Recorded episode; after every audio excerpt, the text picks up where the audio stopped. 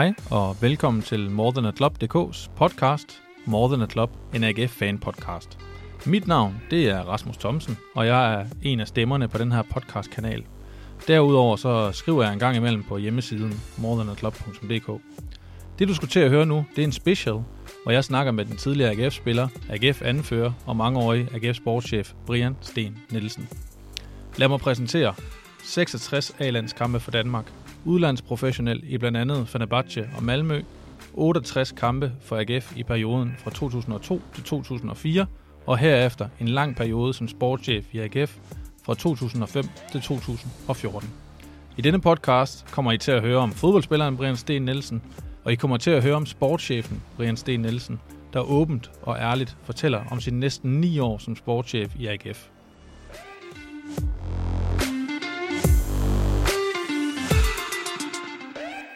Velkommen til podcasten, Brian. Det er dejligt at se dig. Først vil jeg starte med at høre, hvordan du har det. Det er jo lang tid siden, at vi AGF-fans har hørt noget til dig. Jamen, jeg har det fantastisk. Øh, arbejder med en, en masse dygtige, dygtige unge spillere, og også lidt ældre spillere, men primært uh, lidt, lidt yngre spillere. Fantastisk og, og kan være behjælpelige og, og få nogle af dem uh, uh, på vej på, på rette måde. Så, så jeg er i et job, hvor, øhm, ja, hvor fodbolden øh, er jo stadigvæk passionen og så videre, og så, så stadigvæk kan leve af det og være sammen med en, en, en masse fede fyre i firmaet også, i øh, butik transfer management, BTM. Det, øh, det er et super dejligt job, som jeg er virkelig, virkelig glad for. Nu nævner du selv det her med, at du arbejder med, med unge mennesker stadigvæk, og du er i, i fodboldverdenen. Jeg læste mig til i 2014, da du blev fyret ude i AGF som sportschef, at øh, du snakkede lidt om din fremtid på det tidspunkt. Og der var du lidt i tvivl om, hvad der skulle ske, men du sagde, at jeg har passion for to ting, vin og fodbold, så må ikke det ender med noget med det. Det havde du ret i. Ja, men øh, det er det jo nok stadigvæk jo. Altså det, med, det man brænder for, øh, jamen det er jo også det, man skal lave. Og jeg skal da ikke lægge skjul på, jeg drikker også et glas vin stadigvæk en, øh, en gang imellem, men det er ikke det, der, det er, ikke det, der, der er levevejen. Altså det er fodbolden, når man kigger på sine telefoner og kunne se de numre, som man havde der, jamen så var der jo rigtig, rigtig mange inden for fodboldverdenen. Og så var det jo i hvilken retning tingene de så skulle gå. Og det havde jeg sådan en, en periode til at spekulere lidt over og jeg er glad for, at jeg, jeg kom ind på, på den vej, som jeg er nu her. Du arbejder blandt andet sammen med den tidligere AGF-spiller Henrik Riesum også. Hvor lang tid gik der fra, øh, du stoppede i AGF dengang, til, til du kom ind i agentverdenen? Ja, men der gik, øh, der gik der et tre kvart år, øh, cirka, øh, hvor Henrik og jeg, vi snakkede en del sammen, hvordan vi skulle gøre tingene. Øh, for der var ingen tvivl om, at at jeg vidste jo godt, at, at jeg godt kunne komme ind der, men det var vigtigt ligesom at finde ud af også med, med andre ting, om, om det var det rigtige at gøre, og så videre. Og så fandt øh, hen og jeg, vi fandt en, en vej sammen, hvordan vi så skulle gøre det. Han havde snakket på det tidspunkt med, med en, som her Michael Bolvin, som har et agentfirma, der hedder MB Sports, og øh, ja, så Michael og jeg begyndte at arbejde sammen, og, og lykkedes faktisk med en, en, en del ting på, på daværende tidspunkt med, med Rasmus NK, der næsten fra, fra Midtjylland, der kom ind og blev solgt til Ajax, og, og senere Salzburg her, Andreas Skov Olsen og så videre. Så, så vi lykkedes med en del ting på, på det tidspunkt, der er sammen med Michael også. Og, og så skete der nogle, nogle ting i BTM, hvor der så skulle være noget omstrukturering af nogle forskellige ting og sager og så videre. Og så ville Henrik gerne have, at, øh, at vi kom lidt tættere på hinanden, og, og så, ja, så blev jeg så ansat i, øh, i BTM og, og har været det her de sidste øh, fire år, tror jeg. Nu er det jo en øh, særlig tid i hele verden med det her coronavirus, og også i fodboldverdenen. Der må ikke komme fans på stadion og så videre. Hvordan er det at være agent? Nu øh, kan man jo godt sammenligne lidt med for et år siden, der kendte vi ikke så meget til coronavirusen, som vi gør nu. Har, har I haft travlt i det her transfervindue? Jeg ved, I lige noget uh, i starten og få solgt Joachim Mæle blandt andet. Uh, hvordan har det været, transfervinduet her? Jamen altså, det, det, er jo, det er jo et svært vindue, men, men vi er heldigvis, øh, vi, vi lykkes med, det, med mange af de ting, som vi skal, og, og også sikker på, at vi, vi når i mål med, med de sidste. Vi lykkes med, med rigtig, rigtig mange ting øh, sidste sommer, så, eller, eller forrige sommer, hvad bliver det? Det bliver så, øh, det bliver vel sommer 2019, øh, lykkes vi med en masse ting, og fik en masse spillere ud med Robert Skov og Onuachu og, og alle de drenge der, der, der kom til udlandet på daværende tidspunkt. Men øh, jeg, jeg tror, firmaet er glad for, at det ikke var corona i sommer 19, men at den først kom på, på, et, på et lidt senere tidspunkt. Øh, men, men det, er da, det er da kedeligt, at man ikke kan byde folk velkommen til at komme op og se nogle kampe, eller selv komme ud, og, og den hospitality-del, jeg også synes, at vi er rigtig dygtige til i firmaet, jamen den er jo, den er jo næsten lige nul lige nu her. Og det, det er selvfølgelig svært at, at købe spillere for, for mange millioner euro, hvis du ikke kan se spillerne live. Så, så, så tingene, er, tingene er anderledes, men øh, jeg tror, at vi har, vi har været dygtige til at, at, at få tingene til at lykkes alligevel. Og sådan lige til vores AGF-lyttere kan jeg oplyse om, at I har en enkelt AGF-spiller i stallen i, i uh, den unge målmand Daniel Gadegaard Andersen. Mm. Så det er ikke så meget, I har, I har lavet i Aarhus i hvert fald i, i den her vinter. Øhm, sidst vi sådan hørte rigtig meget til dig, der var du jo, øh, hvad kan man kalde det, foran kameraet som, som sportschef. Nu er du mere øh, bag kameraet. Hvordan har du det med, med det? Jamen, det har jeg det rigtig, rigtig fint med. Jeg kan godt lide at, at gå og gøre de ting for, for hver enkelt spiller. Gør de rigtige ting. Øh, have de snakker, man hele tiden skal, skal have. Øh, se de kampe, man skal. Have dialog med forældrene. Lykkes med det netværk, som øh, jeg og vi som øh, firma har i udlandet. Øh, få tingene til at lykkes. Øh, og det har egentlig været mandsret i firmaet i mange, mange år. Det er ikke øh, vores firma, man ser i, øh, i pressen ret ofte overhovedet. Vi har ikke, øh, vi har ikke behov for at profilere os den vej rundt. Øh, vi gør det via handling, øh, via de øh, spillersalg, som vi har gjort i de sidste øh, ja, 10-15 år. År efter år efter år har vi gjort tingene. Og derfor, er det også, øh, derfor gør det også lidt nemmere, når vi også skal have, have nye spillere ind i stallen, at, at man behøver ikke at, at, at, at hverken halvlyve eller sige nogle ting, der ikke er sande eller noget andet. Det er egentlig bare at fortælle den historik, som, øh, som firmaet de har. Og det er jo der, der er nogle andre, der skal fortælle nogle historier, som der ikke passer. Og ellers, Brian, så den her podcast øh, havde jeg tænkt, vi deler lidt op i to dele. En første del, hvor vi snakker om spilleren Brian Sten Nielsen, og en anden del, hvor vi snakker om sportschefen Brian Sten Nielsen. Og jeg synes, vi skal starte med vores første del her om fodboldspilleren Brian Sten Nielsen, som jo blandt andet bød på en lang karriere med 66 landskampe. Faktisk er du den spiller, der ligger nummer 27 på listen over flest landskampe. Det ved jeg ikke, om du var klar over, eller hvem du deler, deler den plads med. Jo, vi er, vel, vi er vel nogle stykker, der har spillet 66. Jeg ved ikke, om der, der er kommet flere til, men jeg kan huske, det var René Henriksen, og det var Ebbe Sand, og det var Thomas Graversen, tror jeg også, og, og jeg selv. Det er korrekt. Det er også jeg fire, jeg har noteret, så det er jo ja. et meget flot selskab, du er i mm. der også. Øh, Brian, vi skal jo så øh, spole tiden en del år tilbage, øh, fordi øh, du er født i Vejle og får også et gennembrud i øh, Vejle Boldklub, som jo på trods af deres øh, status som elevatorhold i, i mange år jo også er en traditionsklub. Øh, og der har igennem tiden været rigtig mange store navne i, i, øh, i Vejle Boldklub.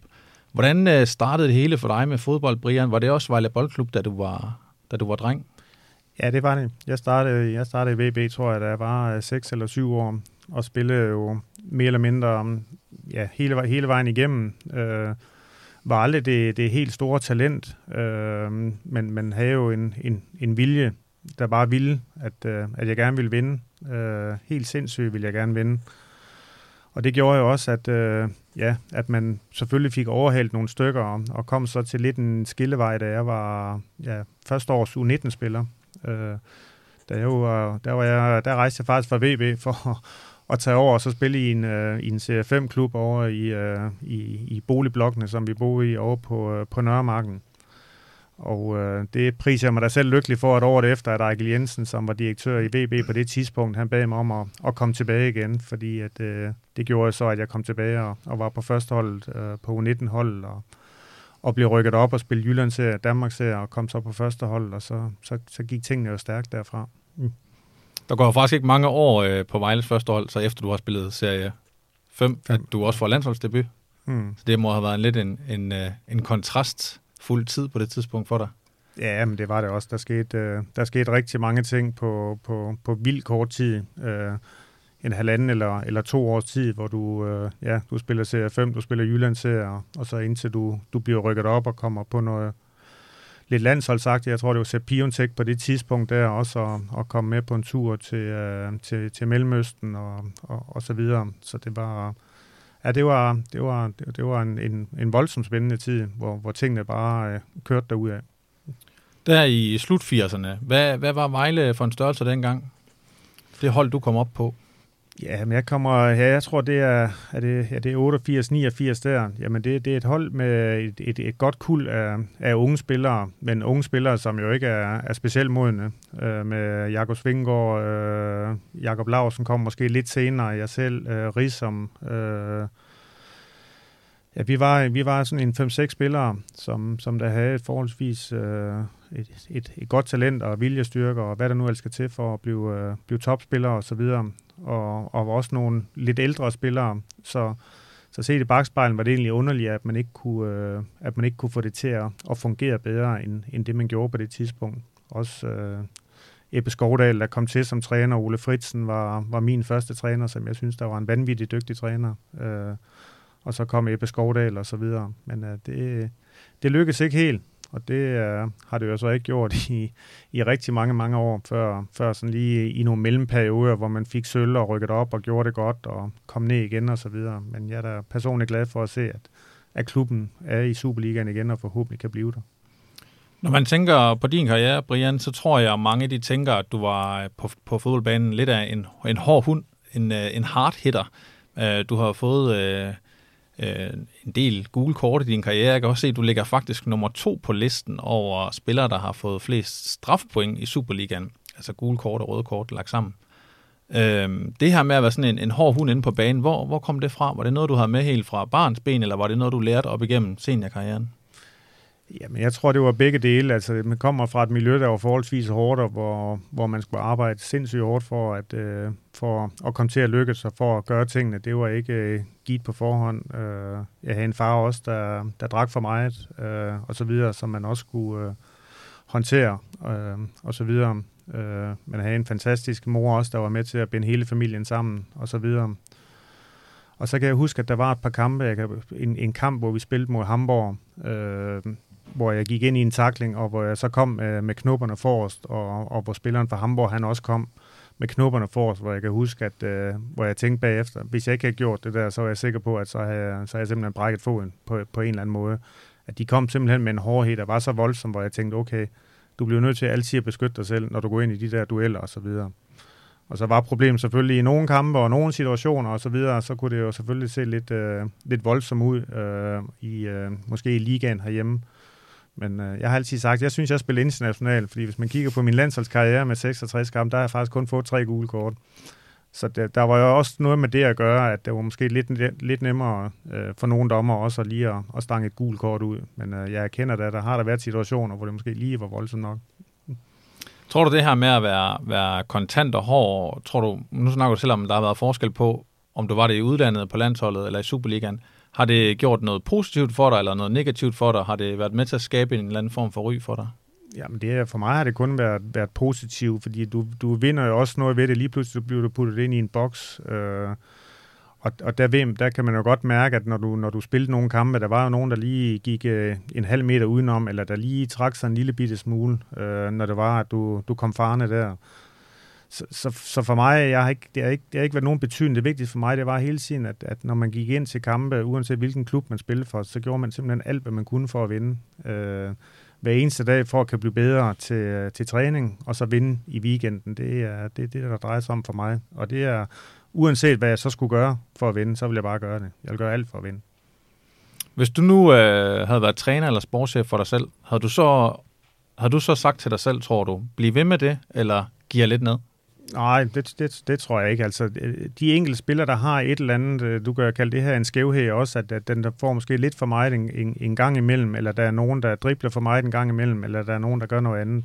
Altså, det, det, det må man ikke tage væk. Det er jo noget, man skal dyrke. Altså, fordi det er jo noget, hver hold har, har brug for. Altså, man tager Slateren for eksempel, hvis man har taget det væk, som han... Øh, som han kunne, og hvordan han var, da han, øh, da han var 18 år. Det har jo været en katastrofe, hvis man var begyndt at, at pille sådan nogle ting, i stedet for at dyrke det. Og, og det er der jo nogle klubber, der er bedre til end andre. Øh, og, og det er jo lidt på bekostning af nogle andre spillere. Men, men det er jo op til klubberne selv. Hvem er det, de gerne vil dyrke? Hvem er det, de gerne vil have igennem systemet? Og så er der jo bare nogle andre, der så ikke, der ikke når det, fordi de ikke helt får de, de samme vilkår, som, som de allerbedste. Du har også et øh, kælenavn, jeg ved ikke, om du stadig bliver kaldt det, men nogle af dine holdkammerater har i hvert fald kaldt dig Berti, øh, ja. opkaldt efter tyskeren Bertil Fuchs. Ja. Øh, hvordan fik du det navn? Er det, var det tilbage i Vejle-tiden? Ja, det var Vejle-tiden. Det var, det var Ejkel Jensen, der var, der var gammel direktør i, øh, i Vejle Boldklub. Øh, han synes, jeg mindede helt vildt meget om Bertil Fuchs fra, fra Tyskland, så det var måske allerede på det tidspunkt, også med den hårdhed og den måde, som han spillede på, at øh, det kunne han godt se, at der var, der var nogle sammenligninger der. Så det, det kommer faktisk fra, fra Ejkel, og det har, det har holdt vel i siden. Det her med at være øh, en hård hund, Brian, nu sagde du nummer to på øh, den her liste over flest karantænedage strafpoint i Superligaen. Ved du egentlig, hvem der, der topper den liste? Har du et bud på det? Nej, Jakob Laversen. Det er en, der har spillet øh, senere end dig. Nej, det, det, det, det, det vil jeg faktisk Det ikke. er Rasmus Wirtz, faktisk, der har, Nå, der har taget den fra dig, okay. den plads. Nej, det må være mere, fordi han har spillet i så mange år. Det er ikke på grund af hårdheden. Øhm, vi skal tilbage til Vejle igen, Brian, øh, for du er der jo øh, kun ind til, til start 90'erne. Så skifter du faktisk til en anden dansk klub. Øh, du skifter videre til OB. Hvordan kan det være, at du skifter til OB på det tidspunkt? Jamen det er fordi, at klubben, klubben rykker ned på det tidspunkt, og jeg er inde omkring, øh, jeg er inde omkring lidt landshold, ligalandshold, er, er tæt på nogle ting, og ambitionerne begynder at blive større. Så, så det at, at skulle spille i den næstbedste række, jamen det var ikke det, var ikke det rigtige. Og samtidig kunne øh, altså klubben havde også brug for den økonomi med, med de spillere, man så kunne øh, komme af med. Jeg tror faktisk, jeg ved ikke, om det er samme tidspunkt, men jeg tror faktisk, at vi er Alfons Charmi, øh, Torben Sangil og jeg selv, tror jeg faktisk, jeg ved ikke, om det er helt samtidig, at, at vi, øh, vi ryger til OB på, øh, på det tidspunkt der. Og der er også flere andre spillere, der, der ryger afsted. Og det gjorde måske, at klubben kunne få den økonomi i VB, som, som man skulle.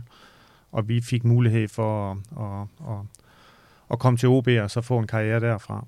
Så det var, så det var egentlig valget, og det var, Ja, det jo meget sjovt, når man tænker på agenter og advokater og alt muligt andet, der, at man, man mere eller mindre bare selv, øh, selv næsten ordner tingene på, på det tidspunkt der.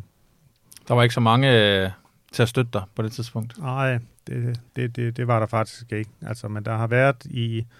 For mig specielt i starten har der været to. Der har været øh, advokat øh, Jørgen Bonnesen, som, øh, som var mange år i bestyrelsen i OB, og var også ind omkring øh, Christian Poulsen i, i hele hans karriere. Øh, som har hjulpet mig øh, med mange ting. Og, og ellers så var det, øh, det var Per Bjergård, øh, der var i Brøndby, som, øh, som der hjalp mig, da jeg, da jeg tog til Tyrkiet lidt senere. Øh, det var faktisk Per, der var, der var inde omkring tingene der, og det var jeg rigtig, rigtig glad for. Hvordan kom det i stand, at øh, Per Bjergård fra Brøndby har noget med det at gøre? Jamen det gjorde, fordi at øh, de var i Europakoppen på det tidspunkt, og Fenerbahce ønskede to spillere. Øh, de ønskede øh, Uche, øh, Uwe Chukwu, der var i, i Brøndby, og så Jesper Christiansen, som var venstreben, der også spillede i Brøndby på det tidspunkt, men, men de kunne simpelthen ikke sælge to, så hvis han skulle, hvis han skulle nævne en anden en øh, med de samme kvaliteter og så videre, Per, så, øh, så nævnte han mig. Og så pludselig, pludselig kom det i stand, og, og Per ville gerne hjælpe med den aftale i Tyrkiet og så videre. Og det, det må jeg sige, at det var, det, var han, det var han godt nok øh, ekstremt dygtig til. Ikke, det var en helt anden økonomi, der var på det tidspunkt der, men mere den måde, at man skulle, man skulle passe på sig selv i, i en kontrakt. Øh, det, var jeg, det var jeg ret imponeret over på, på det tidspunkt. Og netop da du skifter fra OB til øh, tyrkisk fodbold af Fenerbahce, der er du 3-24 år, tror Ja. jeg. Mm. Øhm, hvad var det for nogle tanker, du gjorde om at tage til Tyrkiet dengang? Jamen, der var, der var to muligheder på det tidspunkt. Der var Fenerbahce, og så var der Lecce i, i Italien. Øh, og det havde måske været nemt at så tage et, et valg til, til Lecce i Italien, fordi det var, det var, det var Serie A på det tidspunkt, men selvfølgelig en klub, der var i, i problemer.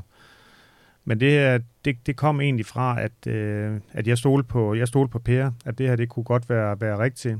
Øh, og, og den anden agent, øh, som stadigvæk er for mig en, en, en halvsvindler i, i markedet nu her, eksisterer stadigvæk. Det var ham, der ringede om den italienske klub der, og der vidste jeg bare, jamen, den der mavefornemmelse, der er noget, der ikke er helt rigtigt der med, med tingene, så det var bedre at så forsøge at, at gøre det andet.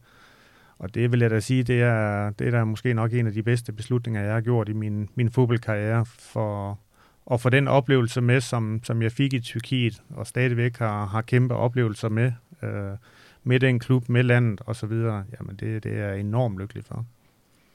Nu hører man jo stadigvæk i dag, øh, en del år efter, at der kan være lidt øh, problemer med at, at skifte som dansk spiller ned til Tyrkiet. Noget med mangel på udbetaling af løn, og noget med, at man kan blive holdt lidt uden for holdet og sådan noget. Var, var det også et ry, tyrkisk fodbold havde dengang? Jamen, der er, altid, der er altid nogle rygter, der er altid ry, der er altid nogle ting, men jeg har det sådan, altså det er det samme med, med mennesker også, at der er altid nogen, der har en holdning til nogle forskellige personer og mennesker osv., men jeg skal, nok, jeg skal nok selv danne min egen holdning. Jeg skal nok selv snakke med, med menneskerne, eller selv finde ud af det, eller mærke det på egen krop, hvad der, hvad der er op og ned i tingene. Og det var egentlig det, der var, der var tankerne, da jeg tog afsted. Jamen, det var at være lidt open-minded, men øh, det var da et kæmpe, kæmpe hul, og der kom der også øh, tårer på kinderne, da jeg stod ude i lufthavnen, og så skulle øh, til at rejse til Tyrkiet, fordi det var jo et, et totalt ukendt land, og, og da man kom derned og kom ud i et hus, hvor der kun var en, øh, en seng med et stykke plastik henover, det var så den øh, lejlighed, der, der var møbleret. Øh, det var så, hvad der var. Så det var jo en træningsdragt på, og så gå ind i klubben dagen efter igen. Og så den vej begynder at arbejde der, arbejde der op eller, eller, eller hen til det, som, som, som tingene egentlig skulle være. Og heldigvis lykkedes det jo mig at, at, at, at spille nogle rigtig gode kampe og så videre og så videre. Og det gjorde jo, at, at det ophold, det blev jamen det er det bedste ophold, jeg har, jeg har haft i, ja, i, i så at sige alle de klubber, jeg har været i. Fordi at det var så lærerigt og var så ekstremt på mange måder, så, så tingene blev meget, meget nemmere med alting efterfølgende. Du fortalte jo også, at du stadigvæk har, har øh, noget med Fenerbahce at gøre i dag. Hvordan, hvorfor tror du, du endte med at, at på den måde slå dit navn fast dernede? Jamen, jeg tror igen det der med, at de kunne se, at, at, at den hårdhed, som man havde i tingene, man vil gøre alt for at vinde. Man vil gøre alt for klubben øh, i, i kampene. Når man spillede kampen og så videre, kunne de jo se, at der var bare der var noget, der var, der var rigtigt. Og så tror jeg også, at man spillede jo på et, et, et højt niveau, og det, og det er jo Altså det der med, at man, man, man kun har en hårdhed og så videre, men du spiller jo ikke 66 landskampe under fire forskellige trænere i de klubber, du har spillet i. Det er jo fordi, at du også har nogle, nogle, nogle andre ting øh, oven, ovenpå på den hårdhed, der, der skal være. Og det tror jeg, det, det satte de enormt stor pris på, og jeg er jo ekstremt glad for, at, at når vi så øh, som firma laver øh, en Mathias Sanka til, øh, til Fenerbahce for eksempel, at man, man snakker en præsident om, man, man lægger hovedet på, på blokken for, at øh, jamen det, det kan være den rigtige spiller for dem, øh, og så videre. Øh, det, det, det er jo dejligt, at de, de ringer til en for, for at spørge, og, og, og hvad synes du, og kan vi være sikre på det her, og så videre. Og, og dem er der, der er flere spillere af, øh, øh, hvor de spørger, eller de ringer, øh, både præsidenten, og nu er det så Emler dernede, der er blevet sportsdirektør, og så videre. Det synes jeg, det synes jeg er fantastisk. Nu fik du jo sportslig succes dernede, og, øh, og folket dernede var, var vilde med dig. Kan du fortælle lidt mere om den kultur, du mødte dernede? Jeg har blandt andet læst lidt om noget med nogle holdkammerater med nogle pistoler og sådan lidt. Øh, det var, det var en lidt anden kultur, end det du kom fra hjemme i Vejle og Odense. Ja, men det var, øh, jamen det var, det var en helt anden kultur. Det var det. Altså det var jo, ja, der var selvfølgelig nogen, der, der beskyttede sig selv og så videre, men, men, men nogle af de ting, som der skete dernede, det, det kan man, det vil jo være negativt, hvis vi ser her i en, i en podcast, der begynder at nævne mange af de ting og så videre. Det vil de, det vil de måske... Øh, jeg, jeg siger ikke så meget om det, fordi at jeg gerne vil beskytte øh, både de spillere, jeg har spillet sammen med, men også, øh, også klubben som sådan og så videre. Men det var jo nogle ekstreme forhold, og det var jo hvor der ofte blev ringet om, at øh, folk ville komme ud og, og slå dig ihjel og så videre, hvis du ikke rejste hjem igen, og, og når du tabte kampen, at du skulle se øh, på stadion flere timer efter og så videre, ikke? Altså, øh, når du løb ind til kampen og så videre, ikke? Altså, der var jo ikke, der var ikke de ting, der ikke blev kastet og så videre, men du bliver virkelig, virkelig modnet som, øh, som, som spiller og som person. Du får den mentale styrke, der skal til for, for at klare dig igennem alting. Og det var også en mental styrke, som, som man så fik brug for senere i karrieren, hvor det også i AGF-tiden selvfølgelig gik både op og det gik ned og så videre, ikke? og med det tryk, der er på og så videre, hvordan man så kunne, kunne håndtere nogle ting der. Øh, så det var, det var en, en, en fantastisk periode for mig, og det er en, en den største fejl, jeg begik, det var ikke at blive dernede, øh, hvor man kunne have blevet dernede og tjent store, store penge, og måske have været fætteret og så videre, men, men på det tidspunkt havde jeg ikke den rigtige rådgivning omkring mig, og så kun det negative, og var bange for, at man ikke blev mester, og hvad skete der så? Så alle de der negative tanker, jamen, øh, ja, det gjorde så, at, at jeg tog hjem igen, øh, når det var. Og det var måske, det kan man jo ikke sige, men det var, det var måske en fejl. Ja, du ender jo med at være dernede i to sæsoner og spille omkring 50 kampe, og så mm. skifter du faktisk tilbage til UB. Mm. Ja. Øh, kan du fortælle lidt mere om, hvorfor, hvorfor du stopper dernede efter to år? Jamen, det var det, det var det mentale. Altså, jeg begyndte, at, jeg begyndte at være bange for nogle ting, at man ikke kunne, øh, man ikke kunne gøre de ting, som, øh, som man skulle som hold, fordi det er jo, det er jo en klub med 20-25 millioner fans, der er enormt tryk på hele tiden. Så det der med, at hvis du ikke bliver mester, det har en kæmpe betydning. Altså, det er jo bliver stoppet, stoppet på gaden. Jeg kan huske, der er en bil, der kører ind foran os på et tidspunkt, vi er inde i biografen, nu og jeg, hvor der så er fire mennesker, der, der, der, der stiger ud af den bil der, og, og hvor de så siger til os, at vi skal sige til, uh, til to andre spillere på hold, at hvis de ikke spiller ordentligt i weekenden, så, uh, så viser de ligesom øh, sådan med fingrene hen over struben. Altså, så er det mere eller mindre, de får klippet struben over. Ikke? Altså, og lige pludselig med alle de ting der, uh, med det tryk, der kommer med sådan nogle ting, altså jeg kunne, jeg kunne godt selv håndtere det langt, langt hen ad vejen, men lige pludselig, når, når den så tipper over, og du begynder at blive bange for nogle ting, og du ikke ser det positive og så videre, jamen så var der ikke andet at gøre. Altså så, så var det simpelthen at komme hjem, forlade batterierne op,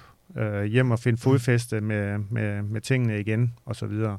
Men havde man nu haft en, man kunne have gået i en proces med, og der kunne have sagt, at du spiller i en, i en fantastisk klub, der altid vil gå ud og så købe nye spillere for at, at få hold til at være stærkere, for at du kan opnå de uh, præstationer som, uh, som klubber, som hold. Uh, jamen alle de ting og alle de snakke og, og så videre, ja, det, det havde man bare ikke på det tidspunkt, men uh, det kan, det kan Jesø så prise sig lykkelig for. Han kom der ned året efter, og så blev de mester. Så det var godt nok ærgerligt.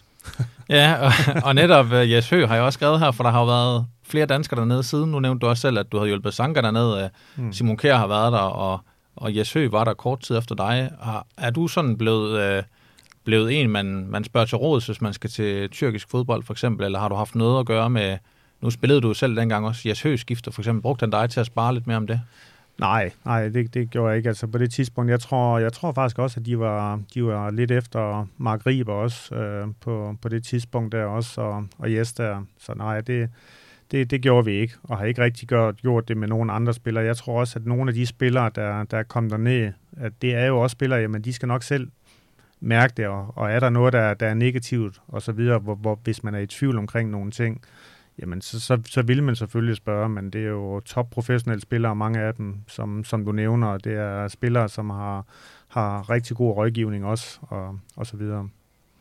Du skifter jo tilbage til OB igen, og faktisk så er OB jo et sted, du ender med at skifte til tre gange. Det er en klub, du vender lidt tilbage til. Er det blandt andet på grund af, nu snakker du om Bonnesen før, er det, er det noget med ham at gøre? Ja, det var det, og det var også, øh, jeg, jeg tror, det der skete på det tidspunkt, det var også, jeg kan ikke engang huske det, hvordan det var skrevet ind, men jeg tror også, at det var en del af aftalen, hvis det var sådan, at, øh, at det ikke gik dernede, at de så havde en mulighed for at, at, at kalde mig hjem på det tidspunkt der. Og det er jo ikke det er jo ikke der, altså det er jo igen der, at man ikke har haft en, en rådgiver, en agent eller og, og så videre til at, at gå ud og så søge markedet. Hvilke muligheder kunne det så være, fordi man spillede jo en, en to fantastiske sæsoner i, i Fenerbahce på det tidspunkt der. Og det eneste sted, jeg ikke kunne komme hen, det var, det var måske andre steder i, i Tyrkiet, fordi at øh, Ali Shin, der var, der var præsident i, i Fenerbahce, han, han kunne simpelthen ikke forstå, at jeg ikke ville være dernede mere, og der gik rygter dernede i, i markedet om, at jeg ville tage til Galatasaray, hvilket jeg aldrig kunne finde på. Uh, men det gjorde, at jeg skrev under på en, en klausul, at hvis jeg inden for de næste to år kom til øh, en anden af topklubberne i Tyrkiet, så, så skulle jeg betale 5 millioner dollars, så det, det, det gav ligesom sig selv. Men uh, jeg, havde det, jeg havde det sådan, når man først har spillet for den klub der, så har man spillet for den klub. Mm. Og der er det jo selvfølgelig blevet lidt anderledes med, med, med, med tiden efterfølgende. Mm.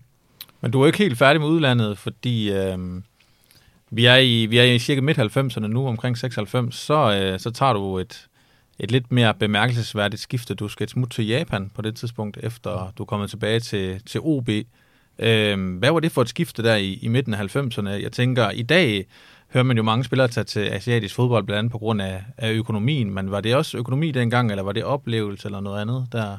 Nej, men det var fordi, at det var den, øh, det var den samme træner, som jeg havde i Tyrkiet, der så øh, der kom til Japan og, og gerne ville have mig, have mig med derover øh, efterfølgende. Han var også øh, meget interesseret i Uche på det tidspunkt der, men, men jeg fik så muligheden for at komme derover på, øh, på, på et halvt år til at starte med, og med, med en option på, på to år mere. Øh, træneren, det var Holger Osek, og, og Ove Flint Bjerg var, var assistenttræner på det tidspunkt også i, øh, i Japan. Og det var, det var, det var, det var to forskellige kulturer fra at have været i øh, Japan eller i Tyrkiet og så kom til, øh, til Japan efterfølgende. Det var, det var enormt spændende, men, men op imod øh, vanvittigt dygtige spillere i øh, Guido Buchwald øh, og verdensmester med, med Tyskland og Uwe Bein øh, og Basil Boli fra, fra Frankrig også, og der var kun... Øh, der var kun tre spillere, der kunne, der kunne være med. Den fjerde måtte ikke engang være på bænken på det tidspunkt der. Så, og der kan jeg huske, at jeg fik en masse information omkring klubben øh, i, øh, igennem øh, vores kære journalist nede på, øh, på Horsens Folkeblad, som, øh, som, som gav mig... Øh, som gav mig, jeg ved ikke hvor mange oplysninger, og sagde, at han havde været inde og tjekke også, at der var et hospital, der var, øh, der var, der var tæt på, fordi hvis Basil Boli han ikke kom til at spille dernede, så skulle jeg nok passe lidt på til, øh, til træning. Men øh, han var faktisk en fantastisk fyr, og et, et rigtig, rigtig fint ophold, men, men desværre så, øh, så blev trænerne de blev fyret efter det halve år, og det gjorde så, at der kom en ny træner, der ville have nye spillere, og så blev det kun til et halvt år. Jeg skulle lige sige, at klubben, du, du var i, hed Urava Red Diamonds. Ja. Er, det, øh, er det noget ligesom Fenerbahce, hvor du stadigvæk har kontakt med nogen der i dag? Er det noget, der, har, der, der fylder for dig i dag også, dit ophold i Japan? Uh, en lille bitte smule, ikke slet, slet ikke på, på samme måde som Tyrkiet. Altså Tyrkiet var, uh, var helt specielt, men uh, det, er ikke, det er ikke lang tid siden, at uh, ejeren i firmaet, Ivan Marco Benes, var, var i Japan og var, var ude og besøge klubben og, og, og hvor jeg havde været med til at sætte op med, med nogle af de mennesker, der, der stadigvæk var i klubben og så videre. Så den vej rundt kunne man stadigvæk bruge, øh, bruge netværket og så videre.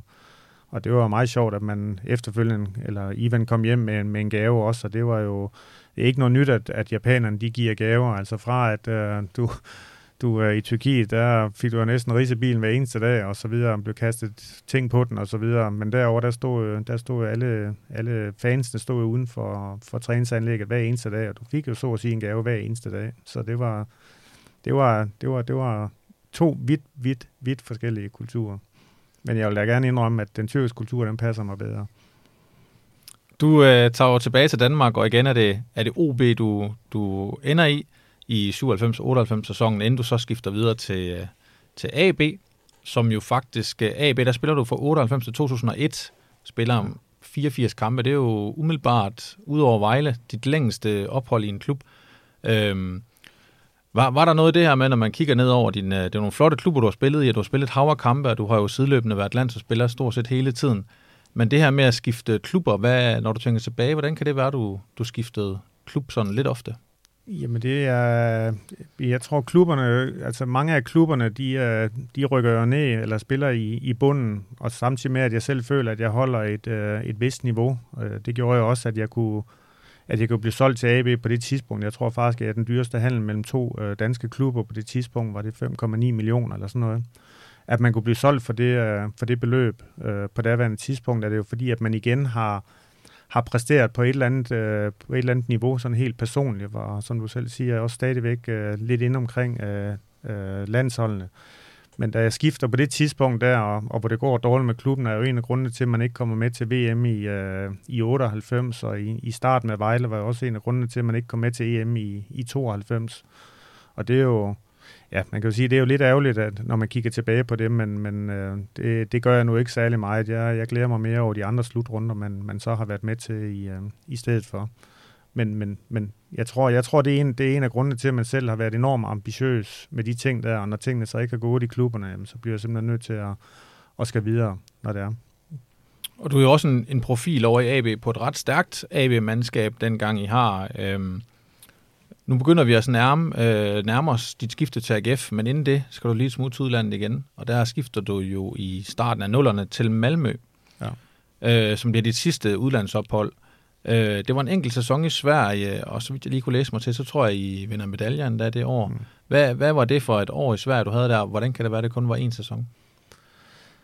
Jamen, øh, hvorfor var det kun én sæson? Jamen, altså, det, det gik sådan lidt op og ned, og, og vi havde faktisk et rigtig godt hold i, øh, i Malmø også, og, og var med helt i toppen og så videre. Men, men der var bare et eller andet med, med den kultur, der var derovre på en eller anden måde, med de ting, som jeg også gerne selv ville, og, og så videre. Jamen, det var, jamen, det var ikke et 100% match, det var måske kun 90%, og så... Øh, ja, så kommer vi jo så til, øh, til VM i 2002, og der, Tøfting, han så begynder at præparere en med, med AGF og så videre, jamen så, så begyndte det at lyde spændende. Øhm, og, og, og Malmø var jo også lidt mere nærliggende på det tidspunkt, da jeg var der. Det var jo også fordi, at jeg boede på, på Østerbro i, i København og kunne, øh, kunne ligge og køre over til Malmø øh, inden for, for kort afstand og så videre. Det var også noget af det, der gjorde, at det var, det var attraktivt. Men, øh, men det var jo, ja, efter VM, så lige pludselig, så, ja, så kom AGF jo heldigvis ind i, uh, ind i billedet, og, og heldigvis tog, uh, tog jeg den beslutning og, og, og blive enig med AGF og, og rejse til AGF. Det er, det, er, det er jeg glad for den dag i dag. Og det er, skal vi jo spole tiden tilbage til 2002, hvor du, øh, hvor du ender med at, at komme til Aarhus og AGF. Øh, og du spiller indtil du stopper karrieren i mellemsæsonen 04-05 i vinterhalvåret der. Øhm, det er jo ikke nogen hemmelighed, at AGF i mange år har været et hold, der hørt til i bunden, og ligesom jeg sagde med Vejle, så brugte jeg vist uh, termen elevatorhold. Det kan vi også godt kalde AGF. Så du kommer jo egentlig igen til, til et bundhold. Øh, på det tidspunkt, da du kommer til AGF, har de jo så ikke oplevet nogen nedrykninger endnu. Øh, men hvad er det for et AGF-hold, du kommer til, øh, til her i 2002? Det er Paul Hansen, der er træner på det tidspunkt. Jamen, jeg tænker ikke så meget over, da jeg først skrev under og så videre. Det er bare, jamen, igen, altså der, der er ikke ret mange mennesker i den verden her, jeg stoler på, men hvis der er en, jeg stoler på, så er det, så er det Stig Tøfting. Øh, og hvis han mente, at det, det kunne han godt se mig, at det kunne være en, en god idé, og, og, og jeg tror også, han tænkte, han tænkte også på klubben, ikke? Altså, hvis de kunne få mig, så kunne det også være med til at, at gøre et eller andet den vej rundt. Øh, jeg kan huske, at jeg ser en, jeg ser en, en kamp sammen med Bojan Georgis, tror jeg faktisk, at vi ser. Jeg tror, han kommer nogenlunde samtidig, som, øh, som jeg kommer. Og der ser vi en kamp, hvor jeg også tænker, hold da kæft. Der, der, bliver, der, der, bliver, der bliver noget at arbejde med her. Det gør der godt nok. Men, øh, men der var mange, der var mange fine øh, unge spillere på vej, og det var jo selvfølgelig en klub øh, stadigvæk på det tidspunkt, også med øh, en, en meget svær økonomi og så videre, hvor du skulle, øh, hvor du skulle ligge og, og trylle med nogle, nogle ting og så videre. Så, øh, men øh, ja, det var jo... Jeg synes egentlig, vi lykkedes med nogle ting og spillede nogle, nogle gode kampe, og der, der kom jo også nogle gode spillere ud af det kul der, også fra, fra AGF selv, med, med Duncan og med, med Leon Andreasen, øh, som, de, som de store profiler og så videre. Så, så jeg synes, det var, det var en fed tid, og det var også en fed tid på det, på det tidspunkt, hvor både Stig og jeg, vi, øh, vi spiller på hold, og med, med Tobias Gran, der måske har sin bedste halvsæson i hele hans karriere, tror jeg også, hvor han næsten scorer han 10 mål eller sådan et eller andet. Øh, hvor jeg også bare tænker, at det der, det kunne, øh, jamen det, det, det, det, kunne have været, det kunne have været rigtig, rigtig stort, det der, hvis, øh, hvis det ikke var blevet brudt på den måde, som, øh, som det gjorde på det tidspunkt. Nu øh, har vi jo snakket lidt om, om øh, hvilken type spiller du var. Det her med, at du, du var en, der gik forrest, og i virkeligheden kan man vel egentlig godt bruge ordet leder om dig. Øhm, jeg tænker sådan, var du i virkeligheden uh, prototypen på, på det, man vil kalde en AGF-spiller? Ja, det tror jeg. Altså det er med, med, med, mange, med mange ting, der tror jeg, at man, jeg har jo mange af de ting fra, fra lidt det, det gamle DNA, som, som AGF de altid har haft, og var, var jo i gang med en, en transformation lidt af, af mig selv også, både som, øh, som spiller og som, som person. Øh, men man havde da helt klart øh, nogle af de dyder, der skulle til, som, som, som der ligger i det DNA, som, øh, som AGF de har. Så det, det vil jeg da gerne sige, uden at at forklare nogle af de, øh, de ældre spillere, øh, som der har været i klubben, som har været med til at, at fortælle en fantastisk historie, der er i AGF. Men, men en lidt mere moderne end, end, end dem, der spiller i, øh, i 80'erne måske. Øh, men, men stadigvæk med, med det vindergen, som de jo også havde alle sammen uanset hvem af dem du tager, om det var, om det var Troels eller John Stampe og, og Lunderen og, og alle sammen. Altså så, så, så, så vil de satan med vinde de drenge der, og det, er, det, det, har jeg, det har jeg i hvert fald også den vej rundt. Og du bliver jo også, som du selv siger, holdkammerat med din gode kammerat Stig Tøfting. Hvordan var det? Øh, det er første gang, I, I spiller sammen med klub, eller havde I også gjort det tidligere? Nej, det, det, det gjorde vi også tidligere i, uh, i OB, hvor vi var sammen der. Så, så det har været OB, og det har været landshold, og det har, det har været AGF. Men det, for mig har det altid været en, en ære at spille sammen med Stig, fordi at, øh, vi, vi har nogenlunde de samme øh, værdier, som, øh, som både som spillere, men øh, også som, som mennesker. Så, så vi har altid haft det rigtig, rigtig fint med hinanden. Så, og selvom øh, når, når vi spillede på modsat hold, han pev lidt en gang imellem, når man gik til ham, men det var, det var sådan, det var. Og selvom at øh, du jo ikke kommer fra, fra Aarhus af, så, øh, så, så havde du egentlig det her AGF-DNA i virkeligheden måske. Øhm, hvordan mærkede du det? Øh, du blev jo ret hurtigt en uh, publikumsdarling derude. Hvordan mærker du det fra, fra fansene?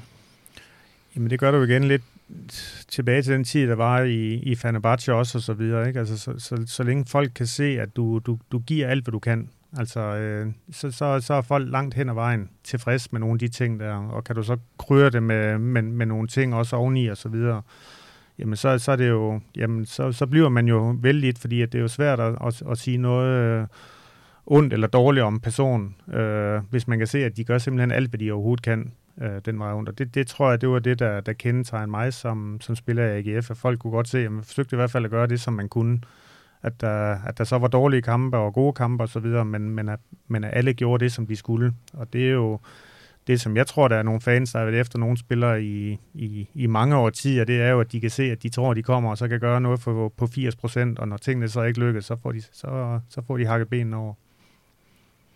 Øh, som så meget andet i AGF i den her periode, så øh, oplever du selvfølgelig også en, en turbulent tid, i hvert fald når man ser udefra. Øh, Paul Hansen bliver fyret i din anden sæson i klubben. Øh, Hans Petersen kommer ind kort vej, bliver træner, og så får I jo Søren Åkeby, den her mestertræner fra, fra Sverige. Og øh, du var selv lidt omkring de spillere, du spillede sammen med. På det her tidspunkt, der spiller du sammen med Leon Andreasen, Stig Tøfting, Thomas Torninger, Peter Gravlund, øh, Morten Duncan blandt andet. Det lyder jo udefra som nogle meget prominente AGF-navne. Hvor, hvorfor fungerede det ikke for jer dengang? jeg kan ikke sige, hvorfor det ikke fungerer, men altså det, det er jo uanset, hvor, hvor gode navne det er og så videre, så skal du jo stadigvæk, du skal have et hold til at fungere, og du skal have en, en chef, en, øh, som, som er træneren i det tilfælde her, skal tingene til at, at fungere. Og det, som øh, Søren han var rigtig, rigtig dygtig til i, i Sverige med Djurgården, og var med til at, at gøre dem til mester og så videre, jamen det formoder vi ikke. Altså det er jo ikke ham, det er jo, det er jo alle sammen, der ikke formoder og så få det til at, at lykkes. Øh, Hvorfor det ikke lykkes, det synes jeg, det synes jeg er svært, svært at sige. Men jeg kan huske, at Søren, øh, jeg kan ikke huske, om det var det første år, hvor han kom der, hvor vi, øh, hvor vi skulle træne en hel måned uden bold. Øh, det, det tænker jeg stadigvæk tilbage ofte på, hvor jeg tænker, stadigvæk, det giver sgu ikke helt nogen mening for mig, at man skal træne en hel måned. Altså man skal spille fodbold, men man må ikke have en bold med i en hel måned. Og så ved jeg selvfølgelig godt, at det, at det er på grund af den fysik, man skal have bygget op og så videre. Men, men selv i den tid dengang, der, det kunne man nok have gjort på en, en lidt anderledes måde. Men han var, han var godt nok en fantastisk person, Søren Åkeby. Og lige angående også Søren Åkeby, så, øh, så kommer han jo med det her citat om, at da han bliver ansat i AGF, så, så tror han på, at han kan gentage det, han har gjort op i Sverige. Og han siger jo faktisk, at han satser på, at AGF vinder guld inden for, for tre år på det tidspunkt. Var det noget, der, der påvirkede jeres spillere, at der kommer en ny træner med, med sådan lidt store armbevægelser, hvad det angår? Jamen, det var det jo ikke engang. Hvis man kender Søren, så er det jo ikke store armbevægelser. Jeg tror bare, han har en ambition, og der er jo ikke nogen, der ved, hvad, hvad Søren han har snakket med, med, med klubben, øh, bestyrelsen om. Men øh, jeg tror ikke, han har fået det snakket ordentligt igennem i forhold til den økonomi, der var, hvis man skulle være mester på, øh, på daværende tidspunkt, fordi at du skulle virkelig, virkelig have været heldig, hvis det skulle, uh, skulle lykkes med den økonomi, der var i, i klubben på daværende tidspunkt. Det var jo så at sige helt umuligt. Det var et helt mirakel, der skulle til, hvis det var. Og der er det jo, der er det jo lidt ærgerligt, man, at man måske melder sådan en, en melding ud, hvis man ikke har det afstemt hele vejen igennem i, øh, i klubben. Men, men for mig personligt, jamen fint nok, hvis det er det, vi skal. Altså, bare man er enige om, at alle sammen, at det, det er så det, vi gør. Så, øh, og, det er, og det er måske nogen, der, der, der kunne grine af og synes, at det var sjovt, og det kommer aldrig til at ske, og det er AGF igen, og så videre. Men for mig personligt, som spiller, fint nok. Altså, hvis det er det, vi går efter, så er det det, vi går efter. Og så må man arbejde stenhårdt for det, og hvis han mente, at vi ikke skulle røre en bold i en måned, jamen så rører vi bare ikke en bold i en måned. Men jeg stiller ikke spørgsmålstegn ved det. Hvis det er, hvis det er måden, vi skal gøre det på for at blive, for at blive mester eller komme med derhen, hvor det er sjovt, jamen så er det bare det, vi gør. Og øh, Brian, i den her tid, der er du også ved at være oppe i årene, og øh, du nærmer dig karrierestoppet. Hvordan kan det være nu her, når vi rammer vinteren 04-05, at du vælger at stille stålerne på hylden? Jamen, jeg synes, at det begyndte at komme ved en ende. Kunne godt have, have trukket måske et halvt år mere og set i bagspejlet, og ikke for at, at hjælpe mig selv, men hvis jeg måske skulle have hjulpet klubben lidt bedre på vej, hvis det var, jamen så skulle man måske lige have spillet et, et halvt år mere, og så have, have gjort det måske fra, fra sommerferien efterfølgende, fordi på det tidspunkt, der, der ryger Stig også væk fra, fra klubben øh, den vinter, og det gør jeg også, og det er selvfølgelig det er, det er to personer her, der har, der har fyldt meget. Øh, det er mange landskampe, der går væk. Det er lederegenskaber, der går væk fra et hold. Og det, det, her, det, det, det er der ikke nogen, der måske bare lige går ind, og så, øh, så fylder det hul der. Det har man jo håbet på, at der var nogen, der kunne gøre. Øh, men, men det lykkedes så ikke helt. Øh, og så var jeg jo der også, hvor der, der, der skulle snart begynde at ske, ske noget andet, og så videre. Øh, fordi jeg havde ligesom oplevet det, jeg skulle, og spille de kampe, jeg skulle herhjemme, og, og så videre. Øh, så, så, det, så det var, så det var lidt, lidt, tankerne, lidt tankerne bag det. det øh. Og udefra set, så var du jo den her øh, AGF-spiller med, med, med det her AGF-DNA, og et eller andet sted giver det måske meget god mening, du, du stopper karrieren netop i, i AGF, hvor at, hvor du passer rigtig godt ind. Men var det nogensinde på tale for dig for eksempel at skulle hjem til Vejle og slutte af? Nej, det var, det var det ikke. Altså, der var, der var lidt rygter omkring nogle ting på et tidspunkt, måske at, at spille lidt til sidst i, øh, i Vejle og så videre. Men, men det er rigtigt, altså, jeg følte mig virkelig, virkelig godt til rette i den korte tid. Altså lidt ligesom Tyrkiet, selvom det kun var to år, men de, øh, de på år i AGF også, som, som spiller, der, der er et eller andet med, med klubben, og et eller andet med byen, der er et eller andet med fans, der, der er et eller andet, der tiltalte mig. Altså, og det gør det, det gør det stadigvæk den dag i dag. At det er, jeg siger altid til, til mange forskellige mennesker, jamen altså, der, der er nogle klubber hjemme, dem kan man ikke sammenligne. AGF, det er bare en, en speciel størrelse med, med en fanskare, der er helt anderledes, end, end mange andre klubber er. Og det har man jo så efterfølgende heldigvis set også, når det er, når det er gået godt, eller man har været i en pokalfinale og så videre, så skal jeg dele med lov for, at så, så kommer folk ud af busken, og det er, det er så fantastisk at se.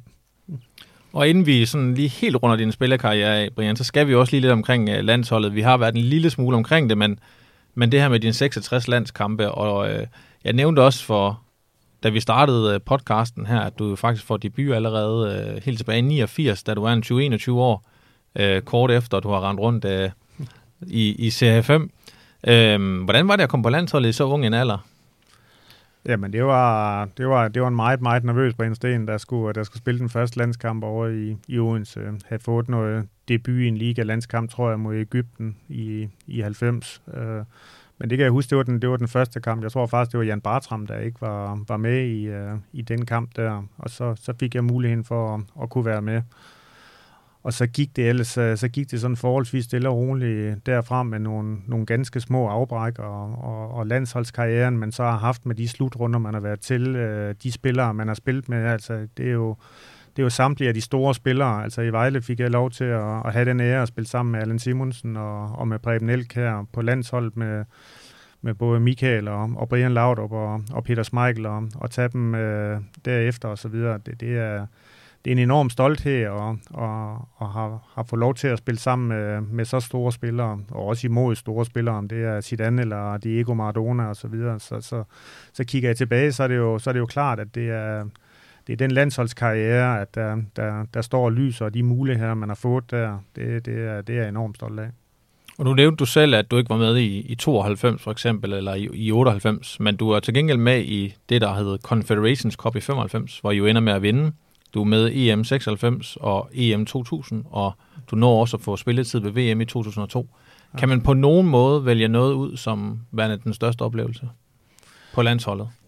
Mm, jamen jeg, synes, jeg synes altid, at den debut, man får på et landshold, er helt speciel, når det er. Også selvom det her det så kun var, var i Odense, at man skulle spille på, på, på det tidspunkt. Men, men altså at, at få en debut på, på landsholdet, altså det er, det er kæmpestort. Og så har alle slutrunder har en historie på en eller anden måde, fordi det er jo noget, man har, man har kæmpet sig frem til, og så, så selve slutrunderne, det er noget helt unikt og noget, noget helt specielt. Men, men det, det, der, er ikke, der er ikke enkelte øjeblikke der med, med landshold, hvor jeg tænker lige der, og så videre. Også selvom man vinder øh, øh, øh King Fat Cup, der Confederation Cup i, i 95, det var selvfølgelig også stort og så videre, men der var jo andre kampe også, der var, der var, der var kæmpe store. Og det kan lige så godt være en kamp, hvor det, hvor det hele det virkelig hænger og så videre, og så vinder du til sidst, og så har man bare en eller anden stolthed. Det der med at vinde den enkelte kamp, der, der er så vigtig, og så videre. Det, jamen det, er, det, er, det, er, det har været spændende, det har været interessant, og det har været super, super fedt at få lov til at, at, at, at, at spille sammen med så mange dygtige fodboldspillere, som jeg har fået lov til. Og ved VM-slutrunden i 2002, der øh, vinder Danmark jo 2-0 over Frankrig. Og øh, der får du øh, 11 minutter på banen, og det bliver også din sidste minutter på banen for det danske landshold. Hvordan var enden på din landsholdskarriere? Var det noget, du, hvor du trak dig selv, eller blev du ligesom valgt fra, så var det det? Hvordan, øh, hvordan sluttede det? Nej, men det, det, det var mig selv, der, der tog den beslutning, og det, det gjorde man jo igen, fordi at der var jo der var rigtig dygtige spillere, der, der spillede, der var dygtige spillere, der var på vej, og øh, i forhold til, at, at nu har jeg ligesom været omkring, og det at man, man måske bare skulle være med en gang imellem og blive kaldt ind en gang imellem, jamen det var, det var ligesom et kapitel, det var slut der. Jeg synes, det var sådan en, en, en smuk afslutning at kunne være med til et VM, og så derfra sige, men det var, det var så det fra mig. Øh, og så var der så plads til, til alle mulige andre. Det der med, at man ikke skulle øh, prikkes på skulderen, fordi det var nok bare et spørgsmål om tid, hvornår det var, det var sket, fordi at øh, min egen karriere var jo på vej ned, når det var, og der var nogle andre, der var, der var på vej op, og så, så kommer man jo bare til en, til en skillevæg der, en, en Thomas Graversen, der har spillet fantastisk i, øh, i, i lang tid og så videre, ikke? Og, og have en fantastisk karriere bagefter, for, for at nævne en af dem. Og nu ramser jeg lige op, øh, Brian, men 66 landskampe, så har du ophold i Vejle Boldklub, OB, Fenerbahce, Urawa, Red Diamonds i Japan, AB, Malmø og AGF. Når du tænker tilbage på din karriere, øh, Brian, som fodboldspiller, hvad, hvad for nogle tanker går igennem dit hoved? Jamen det er, det er stolthed, jeg har opnået det uh, igennem uh, uh, at være dedikeret og have en fantastisk passion for, uh, for fodbolden og for at ville vinde. Og, og havde jeg ikke haft den, uh, den viljestyrke til at, at virkelig at, at ville gøre det her, og til at vinde så mange kampe, jamen, så er man jo slet ikke nået den, uh, den karriere, som, som jeg nåede som, som fodspiller, og det er, det er da enormt stolt af. Og inden øh, vi skifter spor til øh, anden del, som skal handle lidt om din tid som sportschef, så har jeg lige sådan et par, par øh, små spørgsmål med. Øh, kan du nævne for eksempel din bedste og din værste klubtræner, som du har, hvis du har haft nogen, der skinner igennem på den ene eller anden måde? Mm, ja, det, det er øh, altså den, den bedste, den, ikke ja, klubtræner, det ved jeg ikke. Altså, for, for mig er det, øh, jeg synes Morten Olsen, øh, hvis, man, hvis man snakker øh, en træner, øh, altid var, var enormt velforberedt, uanset hvad modstanderne kom med. Altså, så, så, så vidste man, hvordan man skulle spille, og hvordan man kunne lave det om i løbet af kampen. Altså, det, det er de træner, jeg godt kan lide, der, der også i løbet af kampene kan, kan lave kampene om ved at, at, at træffe de rigtige beslutninger osv. Så, videre. så jeg synes, øh, for mig, øh, Morten Olsen var en rigtig, en rigtig dygtig træner. Og så, øh, så har jeg da haft øh, den værste træner. Jamen, øh, jeg, vil ikke, øh, jeg skal ikke øh, nævne nogen her i, i den her podcast, cast, men der har der, der har der været nogen, hvor jeg tænker, okay, det er ikke, øh, det, det, det er ikke, det er ikke fremragende stykke arbejde, det der. Det er det godt nok ikke. Mm. Og hvis vi så bliver til, til dem, du spillede sammen inde på banen, øh, kan du tage et par spillere ud fra din karriere og sige, det var de bedste medspillere, du har haft. Og nu nævnte du selv en hel masse navne før, Maradona, Zidane og sådan noget øh, med hvem du så har mødt, stået over for, som, som har skinnet ud? Jo, jo, men det er jo altså at få lov til at opleve uh, Diego Maradona, da vi spiller mod, uh, mod Argentina i Mar del Plata der i, i 93. Altså det var jo det var kæmpe stort. Det var jo både Canidia, det var ham og så videre. Der var mange store navne, men, men at få lov til at, at spille en kamp mod, øh, mod, mod den spiller, som jeg synes er verdens bedste fodspiller nogensinde, Diego Maradona, det, er, det, var, det var kæmpe, kæmpe stort. Og den bedste, den bedste spiller, jeg har spillet sammen med, jamen det, er, det, det er for mig uden tvivl Michael Laudrup. Det er det. Altså, øh, og det er ikke kun, det er ikke kun øh, fodboldspiller Michael Laudrup, men det er også mennesket Michael Laudrup. Det er, jeg, jeg, jeg, jeg synes faktisk, han var unikt. Jeg tænker, det var afslutningen på vores første del, som handlede om øh, fodboldspilleren Brian Sten Nielsen. Og vi går til anden del, som så handler om det, der sker efter din karriere, Brian. For ret kort tid efter, at du øh, stopper som fodboldspiller i AGF, så bliver du ansat som sportschef. Øh, vi skal så spole tiden 16 år tilbage. Øh, det sker her i øh, faktisk meget præcis 16 år tilbage. Februar 2005 bliver du ansat som sportschef i AGF på samme tid som øh, en anden øh, AGF-spiller, Lars Windfeldt, bliver ansat som koncerndirektør i Aarhus Elite. Og din tidligere træner, Søren Åkeby, er jo så stadigvæk træner i klubben. Øh, hvad skete der i den her korte periode mellem dit karrierestop og så ansættelsen, øh, som gjorde, at, at øh, du endte med at blive sportschef i AGF? Jamen, man begyndte jo med at, at varetage nogle roller på for forskellige, forskellige måder. Øh, meget, meget turbulent tid, kan jeg huske. Jeg, jeg kan ikke engang huske, at det var inden for så kort tid, at jeg følte jo næsten, at man både var assistenttræner og træner og scout og sportschef inden for en, øh, jeg ved ikke hvor, hvor, hvor kort periode. Altså alt, alt, alt for, for turbulent, hvor der ikke var nogen hvor der ikke var nogen retningslinjer øh, hele vejen overfra, fra en bestyrelse til en ledelse, og, og hele vejen ned igennem, øh, få bygget den rigtige organisation op og så videre. Så der var, der var, der var rigtig, rigtig mange ting at skulle håndtere for en, som i bund og grund bliver kastet ud i et job, som man, øh, som man først skal have færdighederne til, eller opbygge færdighederne til. Øh, det at være, det at være fodboldspiller er jo ikke det samme med, at man kan, man kan gå over i en organisation og så gøre de ting, som man, øh, som man så skal der efterfølgende. Øh, så det var, det, var en, det var en meget turbulent tid, hvor man ligesom lige skulle, øh, skulle have noget fodfæste, men, men som det blev efterfølgende, og som det også var i starten, så vil jeg sige, at der er sikkert mange mennesker, der ikke, øh, der ikke kender ham, men, men en Ole Hall, der ser som administrator i AGF, og som kender kulturen og historien øh, helt tilbage fra, fra 1880. Og ja, det er, den, det er den person, som jeg sætter aller, aller størst pris på øh, i AGF, og det gør jeg stadigvæk. Og det, og det ved jeg selvfølgelig også, at AGF øh, gør også de personer, der kom ind efterfølgende. Men det var, det var en turbulent tid, hvor, hvor jeg var rigtig, rigtig glad for, at man, man også kunne, kunne have holer omkring mange af de der administrative ting på det tidspunkt. I øh, selv samme podcast som den her for nylig, der kaldte Peter Gravlund dig for en fantastisk leder på, øh, på banen. Øhm, havde du forberedt dig på, også da du var spiller, at du måske kunne ende som, som sportschef? Nej, det, øh, det, var, det var jeg faktisk ikke.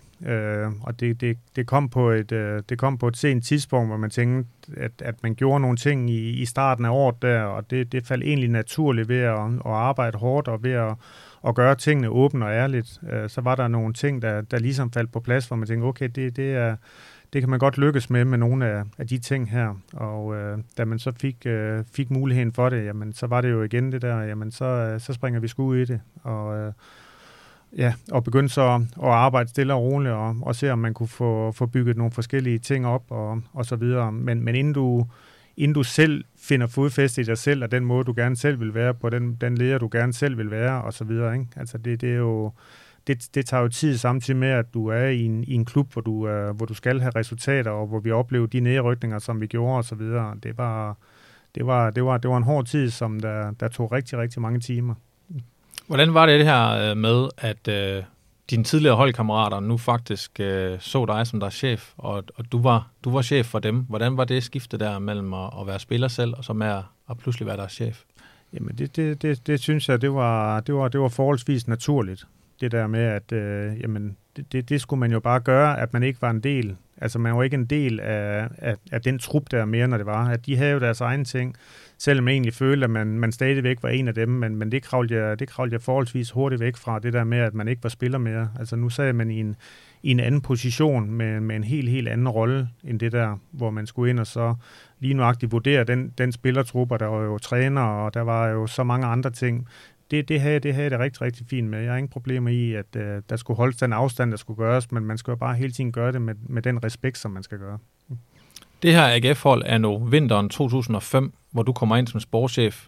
Kan du fortælle lidt mere om det arbejde, der ventede forude? Du var nok uh, slet ikke klar over i virkeligheden, hvad der skulle vente dig de næste ni år af, mm. af arbejde. Men kan du fortælle lidt mere om, hvad, hvad det var for et, et hold, du kom ind og overtog der som sportschef? Eller en klub ja, i det hele taget? Ikke, altså, det er jo mere, det er jo mere klubben. Altså, jeg vidste jo, jeg vidste jo noget, der var sket omkring øh, det trænerteam, der også var og så videre. Så der var, der, var, der var jo ingen tvivl for mig om, hvad der var, der skulle ske til at starte med. Det var jo, det var jo lige nøjagtigt det, øh, hvem er det, der skulle, der skulle være i, i de roller. Og, og der var der i hvert fald nogle personer i det trænerteam, der ikke skulle være der mere på, på daværende tidspunkt, fordi der der var, der var foregået nogle ting i, i kulissen, som var, var helt, helt uacceptable for mig. Og det var ikke, øh, det var ikke mennesker, der skulle være eller, eller arbejde i AGF mere, øh, hvis det stod til mig. Øh, og, og, og sådan starter det med at så lige finde ud af, hvem er det, der skal være der? Hvad er det for nogle mennesker, der skal ansættes? Og, og så videre, og så videre, og så videre. Og det er jo egentlig det, man, man, man begyndte på, og så, øh, ja, så, så kører du over til spillerne. Hvad er det for en trup? Og sammen med den træner, der skal være. Men men det var hele tiden, det var rigtig, rigtig kortsigtet mange gange, fordi at, at nedrykningerne kommer, øh, andre træffer nogle beslutninger, som man ikke skal træffe. Der er ikke en, der er ikke en linje igennem øh, tingene 100%, som der først kom på et, øh, på et langt, langt senere tidspunkt, hvor, hvor, hvor man udefra nu som, som AGF-fan kigger og så tænker, hvor er det dejligt at se nu her, at der er den linje igennem tingene, som man, som man selv ønskede for, for mange år siden, at, at man kunne have. Men, men, men det er jo bare, AGF er jo bare en klub på, på to forskellige stadier, som man var dengang, og som, som man er nu. Og, øh, og netop det her med at blive kastet hurtigt i ilden, det må man jo sige, du gjorde. Altså, øh, cirka et halvt år efter du er startet som sportschef, så, øh, så stopper Søren Åkeby. Øh, var det en fyring, eller var det, øh, hvor han endte med at gå selv? Jamen det, det er, som jeg husker, så er det en fyring, men altså der er, der er rigtig mange af de ting, også omkring trænere, øh, på det tidlige tidspunkt der, hvor, hvor jeg som sportschef jo øh, er alt, alt for langt væk fra, fra de ting der. Altså der bliver ikke involveret på, øh, på den rigtige måde, som man skulle have gjort i klubben igennem en bestyrelse og en, og en ledelse og, og direktør og sportschef, hvor man, hvor man snakker om, hvad det er, man skal gøre, og hvad tænker man osv.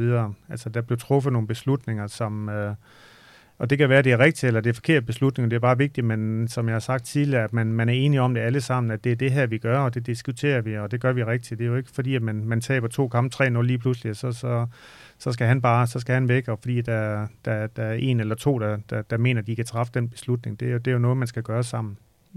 Jeg kunne også se, at da I ansætter Ove Pedersen øh, noget tid efter øh, Søren Åkeby er stoppet, så er det faktisk Lars Windfeldt, der udtaler sig. Var mm. det netop noget af det her med, som du siger, med, med rollerne? Normalt ja. ville det vel være sportschefen? Ja, det, det ville det måske, hvis man var, altså hvis det var det, man var enige om, eller det er jo fint nok, at det er, det, det er direktøren, at der gør det også, at hvis det er det, man er enige om, og man har, man har lavet den proces, som man nogle gange skulle, og man synes, at uh, det her det er det rigtige, for jeg ved ikke, at stadigvæk med Ove, altså Ove er en fantastisk træner, og det var godt, han kom ind i AGF, og, og alle de der ting der. Men jeg er næsten sikker på stadigvæk, at det, er, at det var noget, som Kurt på det tidspunkt også var, var involveret i, på tidspunkt, da Uwe kommer ind. Og det var jo noget, man skulle have gjort sammen, uanset øh, hvilket ejerforhold der er i en, i en klub og så videre. Så er det jo vigtigt, at man, øh, at man hører på de medarbejdere, der er i, der er i klubben. Så Kurt Andersen havde også noget at sige sportsligt? Jamen, det, det, er, det kan jeg jo ikke sige, fordi det er jo ikke... Øh, altså, det, det, det tror jeg, han har i forhold til, til det med, med, med Ove på daværende tidspunkt, når det er, og, og med Lars også og så videre. Men det, det, det skulle man... Altså, set i bagspejlet, så skulle man have været endnu tættere på det. Altså, og som man gjorde på et senere tidspunkt, hvor man, hvor man også har nogle træneremner, og man har nogle profiler, man, man arbejder ud fra, øh, man har folk til samtaler og så videre. Hvem er det så, man egentlig øh, synes øh, i den sidste ende, i stedet for at man siger, okay, nu, nu, tager vi, nu tager vi træner af herover. vi har hørt, at han er rigtig dygtig, og så ansætter vi ham, og så ser vi, hvad der sker. Fordi jeg kan jo godt se ud fra, Altså, hvad er det for en træner, at øh, en, en, en Paul, en øh, Ove, en Åkeby, øh, de forskellige trænere, der, der kommer osv., hvilken, hvilken linje er der i det? Eller skal der være en linje? Skal man køre en, en modsat trænertype ind, end, end det, man har i forvejen osv.? Og det, øh, det skulle man have været bedre til på, på det tidspunkt også. Og faktisk inden uh, I ansætter Ove Pedersen, så er der lige uh, nogle kampe tilbage i efteråret mellem Åkeby og, og Ove, hvor det faktisk er dig selv, der går ind og tager tøjlerne i, i otte kampe i efteråret. Hvad, hvad var tankerne bag det? Var det blandt andet for at prøve dig lidt af selv som træner, eller... Nej, men det er jo, det er, det er jo en fejl, at man gør. Øh, og det er jo igen, altså der bliver jo, altså det er jo overfra, der, der, der også spørger øh, en bestyrelse, om man, om man kan gøre det der, og, og tager, nok, øh, tager også en snak med Lars på det tidspunkt der, og så videre. Og der, okay, men man ønsker jo bare det bedste for AGF, så hvis man kan være behjælpelig på det tidspunkt der, det er jo, det er jo der, hvor, hvor tingene de er så tidligt stadigvæk øh, i den erfaring, man også selv skal have, og så videre, når man, når man ser her og snakker her efterfølgende, man bare tænker, hold da op, mand. Havde man bare lige været to-tre år længere fremme og så videre, så havde man jo aldrig nogensinde gjort det der. Altså, fordi det, man skal, man, skal ikke, man skal ikke gå derned. Altså, det skal man ikke. Og jeg skulle, jeg skulle ikke, men, men der kunne jeg jo godt tænke mig, at der har været, at, at øh, en bestyrelse måske har sagt, prøv at høre, det, der, det er slet ikke det, vi skal gøre. Vi skal, vi skal gøre noget helt andet nu her. Hvis det er det her, den beslutning, vi træffer, så, så gør vi det og det og det. Men, men der var det jo forholdsvis enkelt, at jeg kunne træde ned, og, og jeg ville jo gerne selv, fordi hvis jeg kunne være behjælpelig med at, at gøre noget for AGF, så, så ville jeg gerne gøre det. Men øh, både for mit eget vedkommende, det var en forkert beslutning, men det var også en forkert beslutning, at, øh, at, at klubben overfra ikke havde fandt en anden løsning på det. Og det var jo en, en turbulent tid, det her. Det var det jo også før, du kom til uh, som sportschef. Uh, jeg kan huske, selvom det er en del år siden, uh, nu at der gik lidt snak om dengang, at, at et hold som AGF ville have godt af at rykke ned. At det ville ruske lidt op i det hele, og, og det kunne måske få klubben på, uh, på bedre tider tilbage på rette spor igen. Hvordan øh, oplevede du det der med, at man sådan sagde, at AGF ville have godt af at rykke ned? Var det også noget... Øh... Det er noget sludder. Altså, det er, det, det, det, er noget, det er noget vanvittigt sludder, fordi man skulle jo gerne kunne rydde op i tingene samtidig med, at man er der, og folk, folk de glemmer, at, at når du rykker ned, det koster, det koster for det første, så på det tidspunkt, så har AGF har jo ikke nogen speciel øh, god økonomi på, på nogen måde i forhold til de, øh, de klubber, som man skal konkurrere med. Og når man så ryger ned i, i næstbedste række, så skulle du først op igen og så skulle du først stabilisere dig, og så skulle du først derfra måske kan virkelig bygge på igen. Og det er rent sportsligt, vi snakker her. Det samme skal du jo gøre rent økonomisk. Hvis du ikke kan fange dine sponsorer, mens du er nede, og så skal du først op, og så skal du bygge det ovenpå igen. Og det har jeg oplevet i, i rigtig mange år ud imod FC Midtjylland, for eksempel i min tid, hvor, hvor der var spillere, som, øh, som Jens Ørgaard, han også var efter derude og så videre. Altså, hvor, hvor han ringer til mig og siger, lad være med at spille tid på det der bære til, fordi at, øh, at de penge, som I kan betale, jamen du er ikke i nærheden af, hvad, det, hvad vi kommer til at tilbyde den samme spiller, så du, øh, du, du kommer ikke til at få spilleren alligevel. Og det er jo bare irriterende, når man føler, at man er i en klub som AGF, og jeg bare tænker, at de var i hvert fald på, på det tidspunkt der, at det bare en, en, en større klub end, øh, end, end FC Midtjylland, men, men du havde bare ikke den, den økonomiske rådighed til at, at kunne, kunne gøre de ting, du egentlig gerne ville. Og netop der i den sæson ender det jo så med, med nedrykning, og noget af det, der blev snakket rigtig meget om, kan jeg også huske i, imellem uh, i, i samme vinterpause der, det er jo, at I sælger Morten Duncan Rasmussen til Brøndby. Var det netop også fordi, I, I bare ikke kunne sige nej, eller hvad, hvad, hvordan kan det være, at, at han blev solgt til, til Brøndby på det tidspunkt? Jo, men så vidt jeg husker, så har han ejet det selskab med, med, med Kurt Andersen på det tidspunkt, så det er jo Kurt lidt, der bestemmer, hvad det er, Morten Duncan han skal. Øh, jeg kan huske, at jeg personligt var helt uenig i, at man skulle gøre det, for jeg, hvis jeg husker rigtigt, så tror jeg, at øh, Duncan skulle med til U21-EM til, øh, til sommerferien efterfølgende. Set i bagspejlen, der gik det jo ikke så godt for ham og så videre, så var det måske meget godt, at man fik cashet ind på det tidspunkt der, men, men du havde det jo igen. De penge, som du så fik derfra, gik jo i et selskab, det gik jo ikke ind i, i klubkassen, og den vej rundt kunne du så ikke arbejde klubben større og stærkere. Øh, og, og, og det er jo super fint, at Kurt han fik sine penge, det, det skulle han jo have, fordi han tog jo også en stor risiko, da han gik ind i AGF øh, den vej rundt. Øh, men, men, men det udvikler bare ikke øh, klubben på, på nogen måde, at man, at man sælger en, øh, en spiller, uanset hvor mange penge man får, og klubben kommer ikke til at, at få pengene. Øh, jeg forstår Kurt øh, 100%, men, men du står bare på nul stadigvæk, og så har du mistet en rigtig god spiller, og så står du så, så, står du så der som, øh, som sportsansvarlig. Det var ikke, det var ikke øh, super fedt. Og hvordan var det så? Øh, det gik jo... Øh, det gik jo ikke særlig godt i det forår, og I ender med at rykke ned. I får faktisk kun 22 point i, øh, i hele sæsonen der i 05-06. Hvordan var det så at rykke ned? Øh, gjorde det dit øh, job nemmere, og gjorde det dit job sværere som, som sportschef? Men hvis jeg lige husker rigtigt også med, øh, med det med Duncan på det tidspunkt, det der kom godt ud af det, så vidt jeg husker, var det ikke, øh, den, var det ikke samme tidspunkt, hvor vi så får, øh, for Gravlund Jo, han kommer, han kommer hjem sammen Jeg tror faktisk, at det er, for jeg kan huske, at jeg tog til Sverige, jeg mener det er Helsingborg, på det tidspunkt, der, hvor jeg bare tænker, okay, nu, øh, nu kunne jeg ligesom forstå, at nu skete der noget, så så det er jo ikke verdens bedste kort, man har på hånden, når man skal over til Helsingborg for at snakke derovre, fordi man vidste, at det blev offentliggjort forholdsvis hurtigt. Men uh, det, det lykkedes heldigvis at, at få, få Peter hjem, og ja, alle kender jo historien med Peter efterfølgende. Men, men, men det der med at, at rykke ned og så få, øh, få, få, øh, få skabt et nyt fundament og så videre, det synes jeg faktisk, øh, det synes jeg faktisk lykkes meget godt øh, i, øh, i første division. Øh, en, en, en, en spændende og interessant sæson på mange måder, fordi jeg kan huske, at den måde, som, som folk de, øh, de bakkede virkelig, virkelig op omkring øh, situationen, som AGF stod i. Jeg kan huske, var der ikke 17.000 til, øh, til en kamp mod Kolding også, og sådan nogle ting her, hvor Peter Folgast, han scorede ude på, på stadion og så videre. Altså, der kommer rigtig mange tilskuere, og det var, det var kult at komme ud til, øh, til udekampen og så videre, og og hvor vi så også, øh, hvor vi så også rykkede op igen, øh, og fik egentlig igen, fik, fik, fik skabt noget, der var, der var, der var ganske fornuftigt. Øh, har nogle spillere på holdet også, og, og så videre, og, og er så klar til, til den nye sæson der, når man, når man så rykker op igen. Og ved jo godt, hvor svært det er, fordi det, det, det trykker det pres, der altid er på AGF. Altså det, det skal spillere bare være, det skal, det skal de være forberedt på, at man kan, man kan stå imod.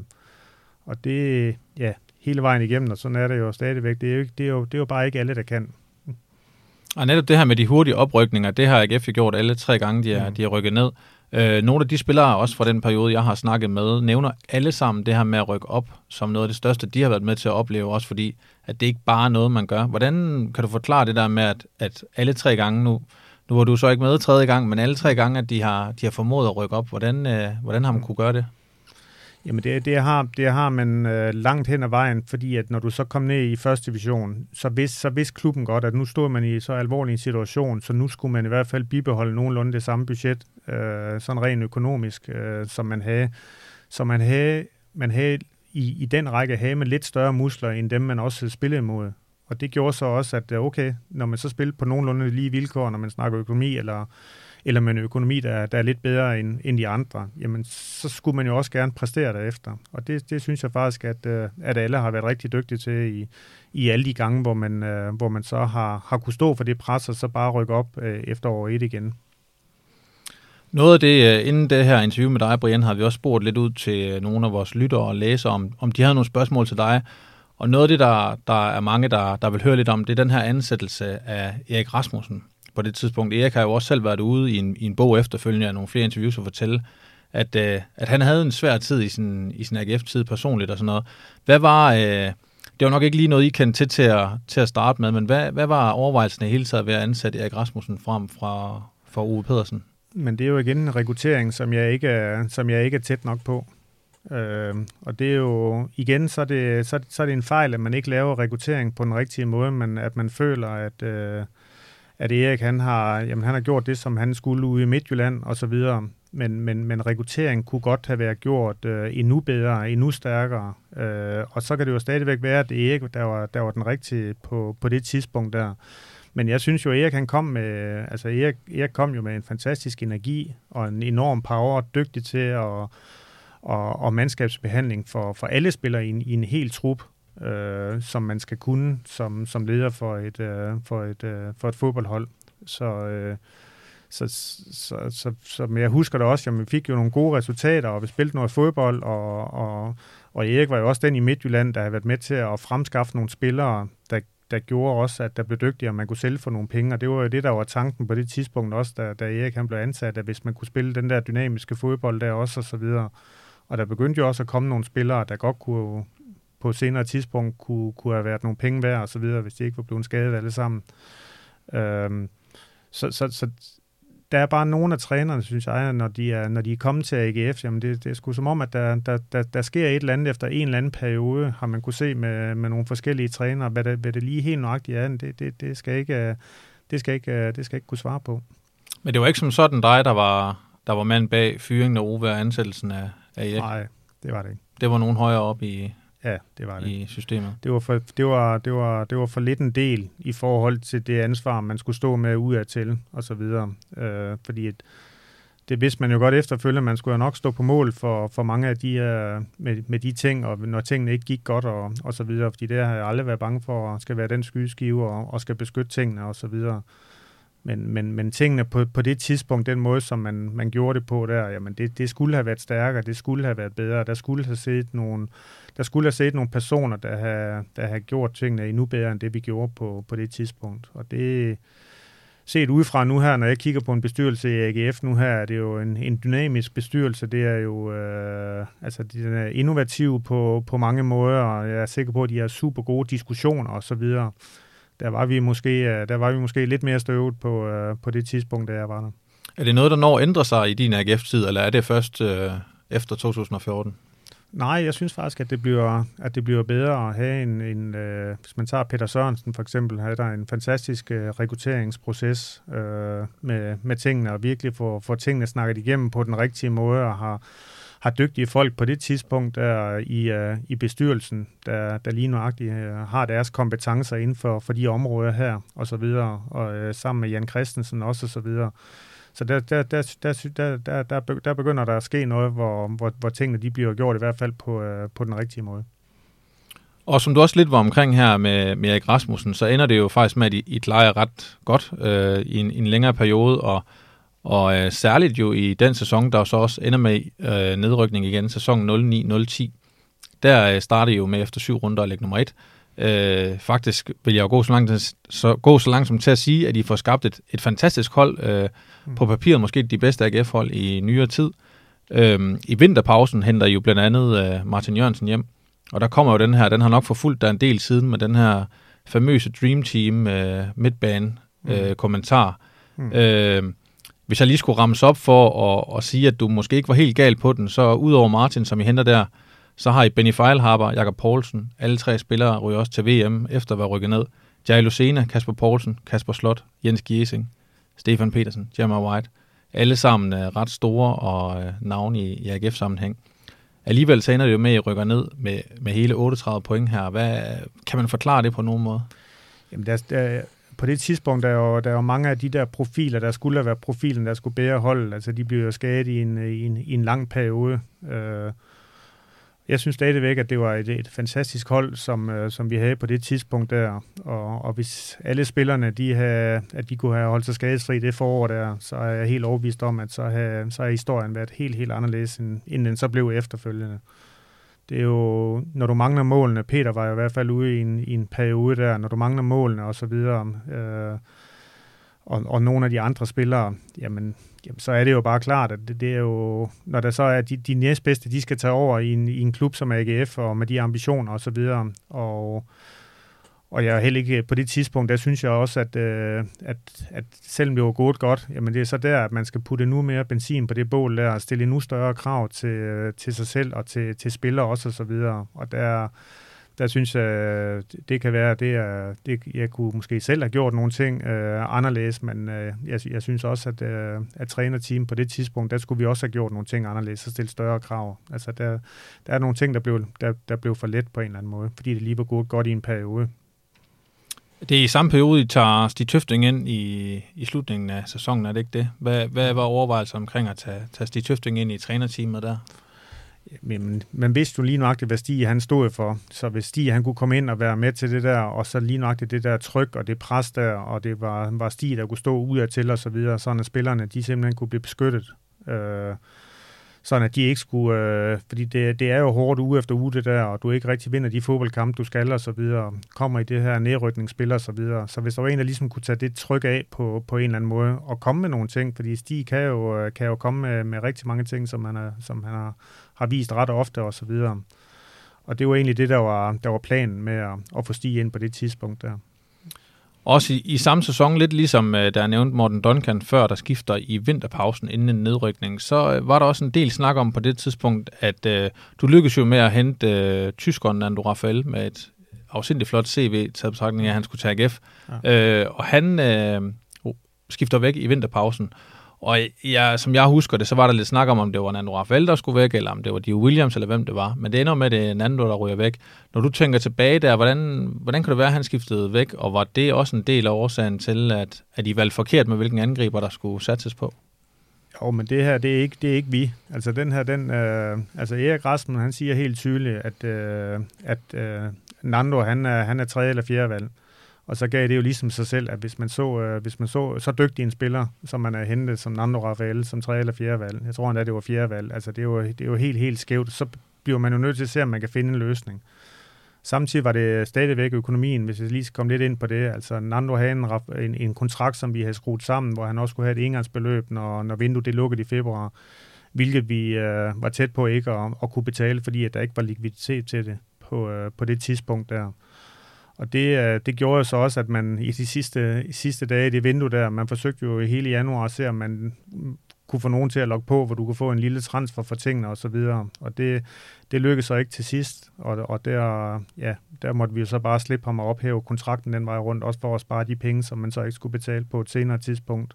Og fordi at han, at man ikke satte på ham rent sportsligt, fordi at det havde jo været bedre at, at satse, på, satse på ham rent sportsligt. Øh, sammen. Nu kan jeg ikke huske, var det, var det Sanel? Jeg tror faktisk, det var Sanel, der kom, kom lidt ind omkring øh, hold på det tidspunkt, og, og ikke for at sige noget negativt om ham, men, men, men, men, men jeg synes, øh, og det synes jeg nu stadigvæk, at øh, øh, den anden spiller, han var, han var, han var dygtigere end Sanel, han var. Det, det bliver jeg nødt til at sige. Hvis man skulle vælge mellem Nando Rafael og Sanel ja, Kapitic, så ville man tage... Ja, det, det, det vil jeg nu stadigvæk, og det ville jeg også dengang. Øh, det, der er anderledes den her gang også ved at rykke ned, er jo, at det er, det er med det her helt fantastiske hold, og I har lægget nummer et, og I får 38 point, som også er rekordmange point for et nedrykkerhold. Øh, den sommer lykkedes I jo sådan set med at holde på nærmest hele holdet. Hvordan øh, kan I lykkes med det også, hvis økonomien den skrænder lidt? Jamen, jeg kan ikke huske, om, om, vi, om vi solgte nogle spillere, der meget Poulsen, været... tror jeg. Jakob Poulsen, tror jeg. Ja, ja. Og, og det var jo så, øh, ja, det var så heldigt, at man kunne det, fordi at Jakob er vel, han er jo skadet på det tidspunkt der, hvor, hvor, vi så kan, hvor han ikke kan spille et halvt år. Og der laver vi en, en aftale ud til, til Midtjylland, og det er jo faktisk, øh, ja, det er jo det firma, jeg er i nu, sammen med, med Ries, som der repræsenterer repræsenteret Jakob Poulsen på det tidspunkt der, og, og det var Jens Ørgaard, der sagde som direktør i, i Midtjylland. Og der snakker vi meget åbent og ærligt omkring det her, hvor Rigsmann sagde til, til Jens, at hvis han tog ham, så var han sikker på, at de kunne, øh, de kunne sælge ham igen for, for rigtig gode penge, når han blev klar, og, og, og Jens Ørgaard skulle tage en forholdsvis stor risiko ved at tage en spiller, der var, der var skadet i 4-5 måneder. Og for AGF's vedkommende, så var det, og så var det meget, meget, meget vigtigt, at man fik øh, nogle penge i kassen øh, til, til den likviditet. Og det fik vi jo så ved, at vi kunne sælge Jakob ud til, til Midtjylland, og for, ja, for, for Risom, så blev han jo så solgt øh, kun for det samme beløb, som de havde betalt for ham, og, og for Jens Ørgaard er jeg også glad for efterfølgende, at han fik sine sin penge hjem igen. Så det var faktisk en, en god case, hvor, hvor man kan bruge øh, hinanden, hvis man er sådan lidt åben og ærlig med, med tingene, fordi der kunne man jo godt have, der kunne man jo godt have squeezed tingene på, på en eller anden måde for at ville spare den ene eller den anden million. Øh, øh, Jens Ørgaard for eksempel, men øh, det, det, det gjorde man ikke der. Det var, det var faktisk en god case for alle, synes jeg. Og så har vi været lidt omkring det, men øh, I, I, i fyrer Erik Rasmussen og, og ansætter så Peter Sørensen, og den var du så også med når Peter Sørensen er din... Men må jeg gerne lige sige, jeg vil gerne, Jakob Poulsen, jeg ville hellere have solgt ham for 3,5 millioner euro til Lazio, i stedet for til, til Midtjylland lidt senere. Ja, det var muligheden. Var det et halvt år, et halvt år før? Ja, det var det. Det ja. var... Ja, det var, det, var, det var en meget, meget speciel oplevelse faktisk, at, at være dernede. Altså, det var, det var, det var måske den mest voldsomme øh, forhandling, jeg har været igennem, øh, både, både som spiller og som, øh, som, øh, som sportschef, og også efterfølgende som, øh, som spilleragent. Altså det var, jeg kan huske, jeg tror, at det var Lutito, der var, øh, der var præsident i, øh, i Lazio på, øh, på det tidspunkt der, og, og var inde i, øh, i øh, divisionsforeningen i Italien også. Altså det var, altså det var, det var virkelig ubehageligt, hvor jeg også kan huske, at jeg ringte hjem til, til Henrik, og så sagde, at øh, om det var okay, at jeg bare tog herfra, fordi det var sgu ikke særlig behageligt, men hvis de virkelig gerne ville have den handel på plads, så, øh, så skulle jeg selvfølgelig nok gøre alt, hvad jeg kunne, og så videre. Men, men som man sagde, hvis tingene ikke fungerer, som de skal, jamen, så er det bare at tage afsted. Og øh, vi var godt klar over, at vi var lidt presset på tiden med, med flyverne, og det var de selvfølgelig også, og det var derfor, at så regnede de jo med, at de kunne få det, som de gerne ville til sidst, men... Øh, jeg tog mine ting, kan jeg huske, og tog ned i tasken og sagde, nu skal jeg afsted, og, og jeg har en flyver, der, der går nu her, inden alt for længe, så, så det er altså med at få en taxa ud af den lufthavn her nu her, og så videre. Og der kan jeg huske, at han, øh, han rejser op, øh, præsidenten, og så bankede han i borden, og så sagde han, den flyver, den går ikke, før jeg siger, at den flyver, den skal gå. Og øh, det må jeg nok indrømme, at det er meget, meget tæt på, at manden han er ret, for jeg kan huske, da vi kom ud i, øh, da vi kom ud i, i lufthavnen efterfølgende, der var der ikke, øh, der var ikke, øh, der var ikke noget paskontrol, og der var ikke nogen, der skulle tjekke noget som helst. Det var egentlig bare at gå direkte mere eller mindre næsten ud til, øh, til flyveren, og det var, der tænkte jeg efterfølgende, hold da op, mand. Næste gang jeg kommer herned, der vil jeg gerne lige have tingene nogenlunde på plads, før, at, uh, før at jeg rejser næste gang. Det var, det, var, det var en voldsom oplevelse, men det havde været fantastisk, hvis man kunne uh, have fået tingene på plads, hvilket vi jo gjorde. Klubberne imellem fik vi jo, fik vi jo tingene på plads, men, øh, men spilleren op til, var det VM, tror jeg det var, i 2010, øh, tror jeg, Jakob selv blev lidt nervøs for at, at komme til Lazio og måske ikke spille kampen, og måske ikke komme med til, til VM og så videre. Og, og så blev det så desværre ikke til noget. Og det er vel også lidt sådan, det går, altså en gang imellem, det salg kunne have sikret AGF væsentligt flere penge, end, ja. end uh, da I så rykker ned et halvt år efter. Ja, lige nok. Det, er, det har været en, en helt anden historie, fordi hvis man kunne have gjort det salg, kunne det jo måske også have gjort, at du kunne have hentet en eller to andre spillere, der kunne måske have været med til at lave nogle præstationer, der så gjorde, at man, at man var blevet. Men uh, ja, det er, jo, det er jo sådan, historien den er. Ja, og så til, tilbage til det her med, uh, med I jo fyre Erik Rasmussen efter, efter uh, nedrykningen tilbage i 2010. Og du er så med i, i ansættelsesprocessen af Peter Sørensen, der jo er din tidligere holdkammerat også fra, fra Malmø, så ham ja. kender du også på det tidspunkt. Uh, udefra set en helt anden type, man kan sige, uh, først Ove Pedersen, og så skifter I lidt type til Erik Rasmussen, og så en helt anden type igen til, til Peter Sørensen. Hvad lå der sådan bag uh, ansættelsen af, af Peter?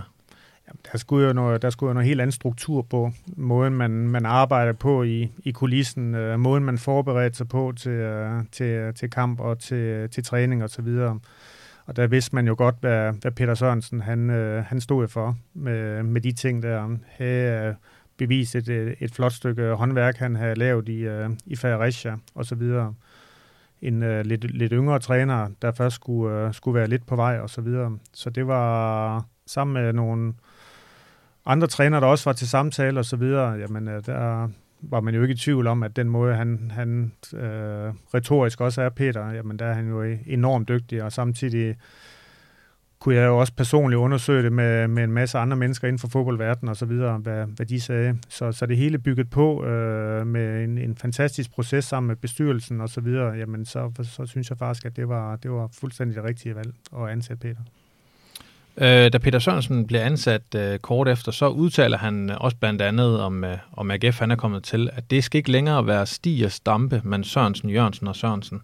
Underforstået, at den, den barske, lidt rapkæftede stil, som, øh, som Tøfting og John Stampe har repræsenteret, den er afløst af en mere afdæmpet og overvejende stil, personificeret ved Peter Sørensen selv, Martin Jørgensen og Jesper Sørensen.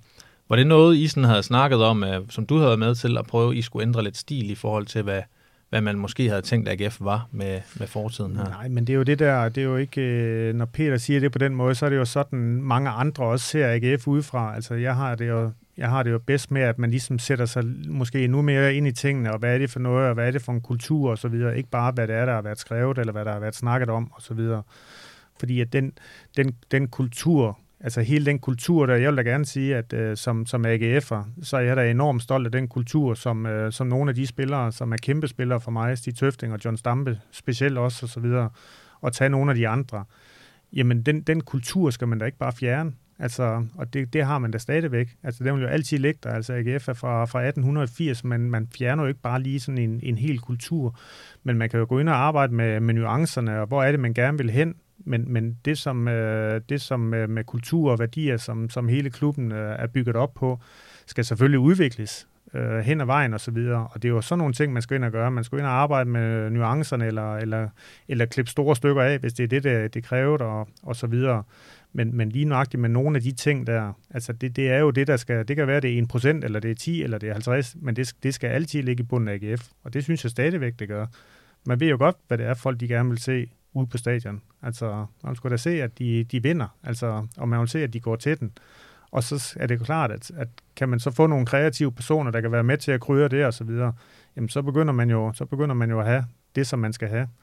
Og det er jo, jamen tag David Nielsen, som jeg jo synes måske er den, den, den største nøgle til, til succesen lige for øjeblikket. Altså det, han kommer med, det vindergen, han kommer med, måden han er på, også som person og så videre. Han, han, han har jo den kæmpe, kæmpe respekt for, for klubben og så videre. Det er, jo ikke, det er jo ikke ham selv, han skal profilere på, på nogen måde, men, men, men det her, som han øh, har gjort nu her, det, øh, det må jeg sige, det har jeg stor respekt for. Peter Sørensen ender med at blive den mest succesrige uh, træner i AGF i, i rigtig mange år på det tidspunkt, og også den mest succesrige træner under, under din ledelse. Uh, I får en femteplads og bliver sådan generelt etableret igen i Superligaen. Uh, hvad, hvad er det, der virker i den periode her, hvor, hvor I blandt andet slutter på, på femtepladsen, som jo indtil sidste sæson faktisk er den bedste øh, placering siden 97? Jamen, jeg synes jo, jeg synes, der bliver gjort et rigtig godt stykke arbejde med, med den spillertrup, som man har. Jeg synes, Peter Sørensen arbejder lige nøjagtigt, øh, som vi har håbet på, øh, da vi ansatte Peter. At uh, enormt professionel og, og dygtig med, med tingene, og, og spillerne får, får lov til at udvikle sig, Øh, og så videre, og så videre, og så videre. Så, så jeg synes egentlig, at det, det arbejde, man skulle gøre med den spillertrup, men ja, det, man fik måske endda lidt mere ud af det, end det, man, man kunne have forventet øh, på, det, på det tidspunkt der. Så jeg synes egentlig, at det var øh, dygtige spillere. Øh, tingene fungerer i klubben, der, der er ro på øh, længere, end der, der nogensinde har været. Og det, øh, det, det, jeg, jeg tror, det var nogle af de ting, der havde en, en, en stor betydning. Og alligevel så begynder det jo at blive igen lidt turbulent, i hvert fald hvis man ser udefra, der er nogle spillere, der, der råber lidt højt i pressen om lidt utilfredshed med, med deres træner og sådan lidt. Og det ender faktisk også med udefra set i hvert fald på et lidt spøjs tidspunkt, at de fyrer, I fyrer øh, Peter Sørensen efter en eller to kampe i, i en forsæson. Øhm, den fyring her af Peter Sørensen, kan du fortælle lidt om, hvad, hvad der gik forud for den? Nej, ikke andet, at det er en forkert beslutning. Så, og det er, øh, det er en forkert beslutning. Det er ikke en beslutning, som jeg traf. Altså, jeg kan huske, at den, øh, Altså jeg synes jo, at hvis man skal, hvis man skal gøre noget eller det her, og det var jo også til uh, diskussion øh, og, og en snak om vinteren øh, på min foranledning, vil jeg gerne sige, at man skal være opmærksom på, på tingene nu her, hvis der er nogle ting, der ikke helt fungerer, og, og, og finde nogle profiler eller nogle, nogle emner. Hvad kan være alternativ til Peter Sørensen, hvis han ikke skal være her mere? Om vinteren, fordi hvis der skal komme en ny træner, så giver det jo meget god mening, at man har en, man har en opstart med, og så videre. Øh, og det, og det var den det var den snak der var øh, det var den snak og, og de tanker der var øh, der var den vinter og så tror jeg spiller vi mod OB. Jeg kan ikke helt ja, huske det, men jeg tror vi spiller mod OB og så så tager vi forholdsvis stort og så videre. Øh, og der øh, ja, der der, der, øh, jeg, jeg tror endda den, den dag, der tror jeg faktisk, at øh, Peter han tidligere spurgte, om jeg ville køre hans søn, eller, eller hans søn kunne køre med mig hjem til, øh, til Vejle, øh, når det var, og det var der jo ingen problemer i men hvor jeg jo egentlig mere eller mindre opdager næsten på vej hjem via de opkald, at, øh, at, øh, at jeg tror, at der er nogen, der er mere eller mindre 99% sikker har, har truffet den beslutning, at det ikke skal være Peter mere. Og så står man jo, så står, så står man jo bare i en vanskelig situation, og det er jo øh, igen en fyring, hvor man, hvor man ikke altså på, på næsten ren følelser, at man, når man har tabt en kamp på, på den måde der, som man har tabt, at man så, er det det, man skal gøre? Altså, så bliver man jo nødt til at, langt den ad vejen, så må man jo, man kunne jo starte med at måske at sove på det, og så snakke sammen om det øh, dagen efter, når det var, at øh, blodet det ikke kogt mere og så videre, fordi at man stod jo i en, i en svær situation, og jeg stod jo personligt i en meget, meget svær situation, fordi hvem, hvem er det så, at man så skulle ind i stedet for? Altså, og det er jo, det er jo klart, at, at, at selvom du har nogle navne på en liste, men de, de var der jo ligesom ikke rigtig mere. Altså, og så, så stod vi jo så der og, og fik så, øh, så Jesper, der, der gerne ville ind, og så, øh, og så tage det job, da, da vi spurgte om, om han kunne det. Og det, øh, det ville han heldigvis gerne, og det gik jo også godt i en kamp eller to. Så, men, men så, var, var, var det det rigtige på det tidspunkt, tror du så, når, når nu den beslutning om at fyre Sørensen blev taget? Var det så det rigtige, at det var Jesper Fredberg, der blev ansat? Ja, det er det. Det er jo ikke, når du, øh, når du så ikke lykkes øh, bedre, end du lykkes. Men, men, men det er jo mærkeligt, at du kan, du kan lykkes øh, ved, at der egentlig kom de kampe og den forløsning, der gjorde. Øh, var det Sønderjysk også, hvor du scorede i overtiden? Var det Jens Jønsson, der, der scorede i overtid og så videre? Ikke?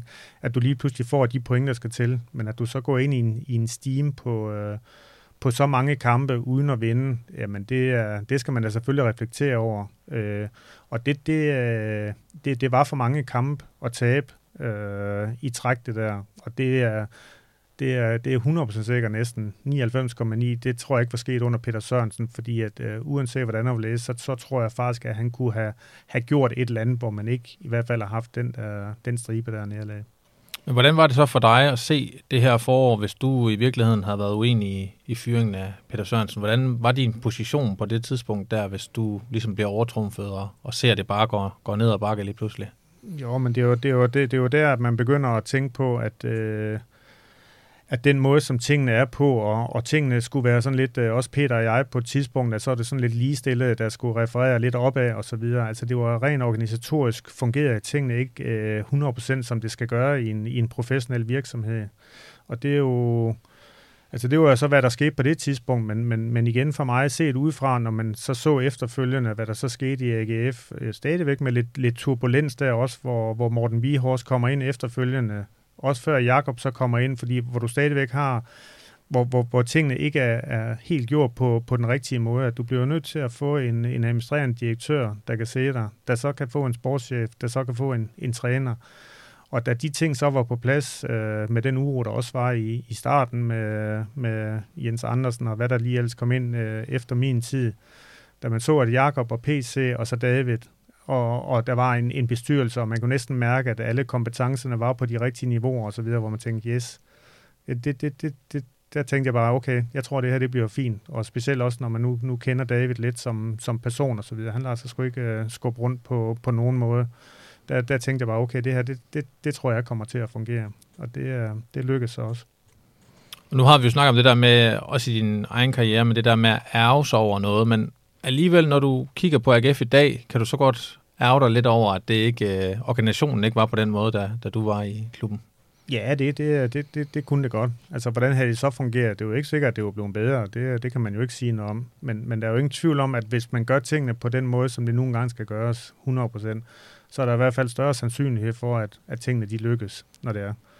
Og der, der, der, også på det tidspunkt der, jamen der, skulle man, der skulle man have gjort tingene på en, på en lidt anderledes måde. Og så har jeg da tit tænkt på også den anden vej rundt, jamen skulle man selv have banket noget hårdere i bordet og, og så videre, og sagt, at nu skal man gøre sådan her, jeg vil have de her kompetencer, det skal være på den måde her, og så videre. Men det er jo også, det er jo også, det er jo også noget i hele den proces der, og så videre, som for det første, så skulle du jo du skulle jo lære alt det her med, at hvordan skulle du lede og ledelse, og hvordan selv som person, og, og alle de der ting der, og så videre. Så det er jo sådan her mange år efter igen, ikke? Så, øh, så, så er det jo nemmere at se og sige, men når, når du er i det, og, og du bruger så mange timer, og du, øh, når du står op, du tænker bare, hvordan kan vi få det her rettet op igen? Det er det eneste, du tænker på. Øh, og det, ja, i, i, i flere omgange også. Altså, det var, der, det, var der, det var der sådan også, at man nogle gange skvattede rundt hjemme. Altså, øh, fordi man bare, at, at, at, at hovedet, det fik aldrig nogensinde fred. Altså, heller ikke når du sov. Altså, det, det, du tænker hele tiden på, hvordan kan vi ændre det her? Altså, tankerne går hele tiden på, hvordan kan vi gøre det her? Vi skal gøre sådan her, vi skal gøre sådan her, jeg skal snakke med ham der i morgen. Så, så hovedet, det får jeg aldrig nogensinde øh, fred på noget tidspunkt. Så. Øhm. Og man kan sige, øh, det her med, fyringen af Peter Sørensen og så ansættelsen af Jesper Fredberg i foråret 14, det ender jo også med at, at blive øh, det sidste forår for dig, fordi uh, det ender jo med den tredje nedrykning på de her uh, ni år, hvor du, hvor du er i klubben, uh, Brian, og uh, bliver du fyret der, uh, eller er det dig selv, der, der ej, trækker? Nej, jeg bliver fyret. Du bliver fyret jeg, der? Jeg kommer til en uh, samtale med, med uh, hvem sagde der? På det, det er Jan Christensen, tror jeg, og så var det... Uh, var det Jesper Ørskov, der var i, i bestyrelsen, advokat i bestyrelsen. Så, og hvilken, øh, jamen det er, jo, det er jo klart, at når du skulle ud og fortælle nye historier, og du skulle ud og finde penge og så videre, jamen så, så var der jo ikke andet at gøre, og det er jo, man kender jo godt, man kender jo godt fodboldmekanismerne, så der, der var slet ikke noget at, at diskutere, og det foregik på en, på en helt okay måde. Det var, det, det var jeg helt afklaret med, at det var, det var, det var fair nok. Har du selv overvejet, hvis ikke du var blevet fyret, tror du, om, om du skulle blive i AGF? Øh, det, det tør jeg ikke sige, men så har det været et eller andet her rent helbredsmæssigt, hvor jeg snakker med familien og sagt, at det her det kommer til at kræve så mange kræfter til at skal igennem det her en gang mere, for at komme derhen, hvor man gerne vil. Så, så jeg, jeg tror nok, at i den sidste ende, jamen der, der, der har man nok skulle øh, været nødt til at, at sige fra, fordi det har haft for store konsekvenser, øh, sådan rent arbejdsmæssigt, hvor meget der egentlig skulle til for, for tingene.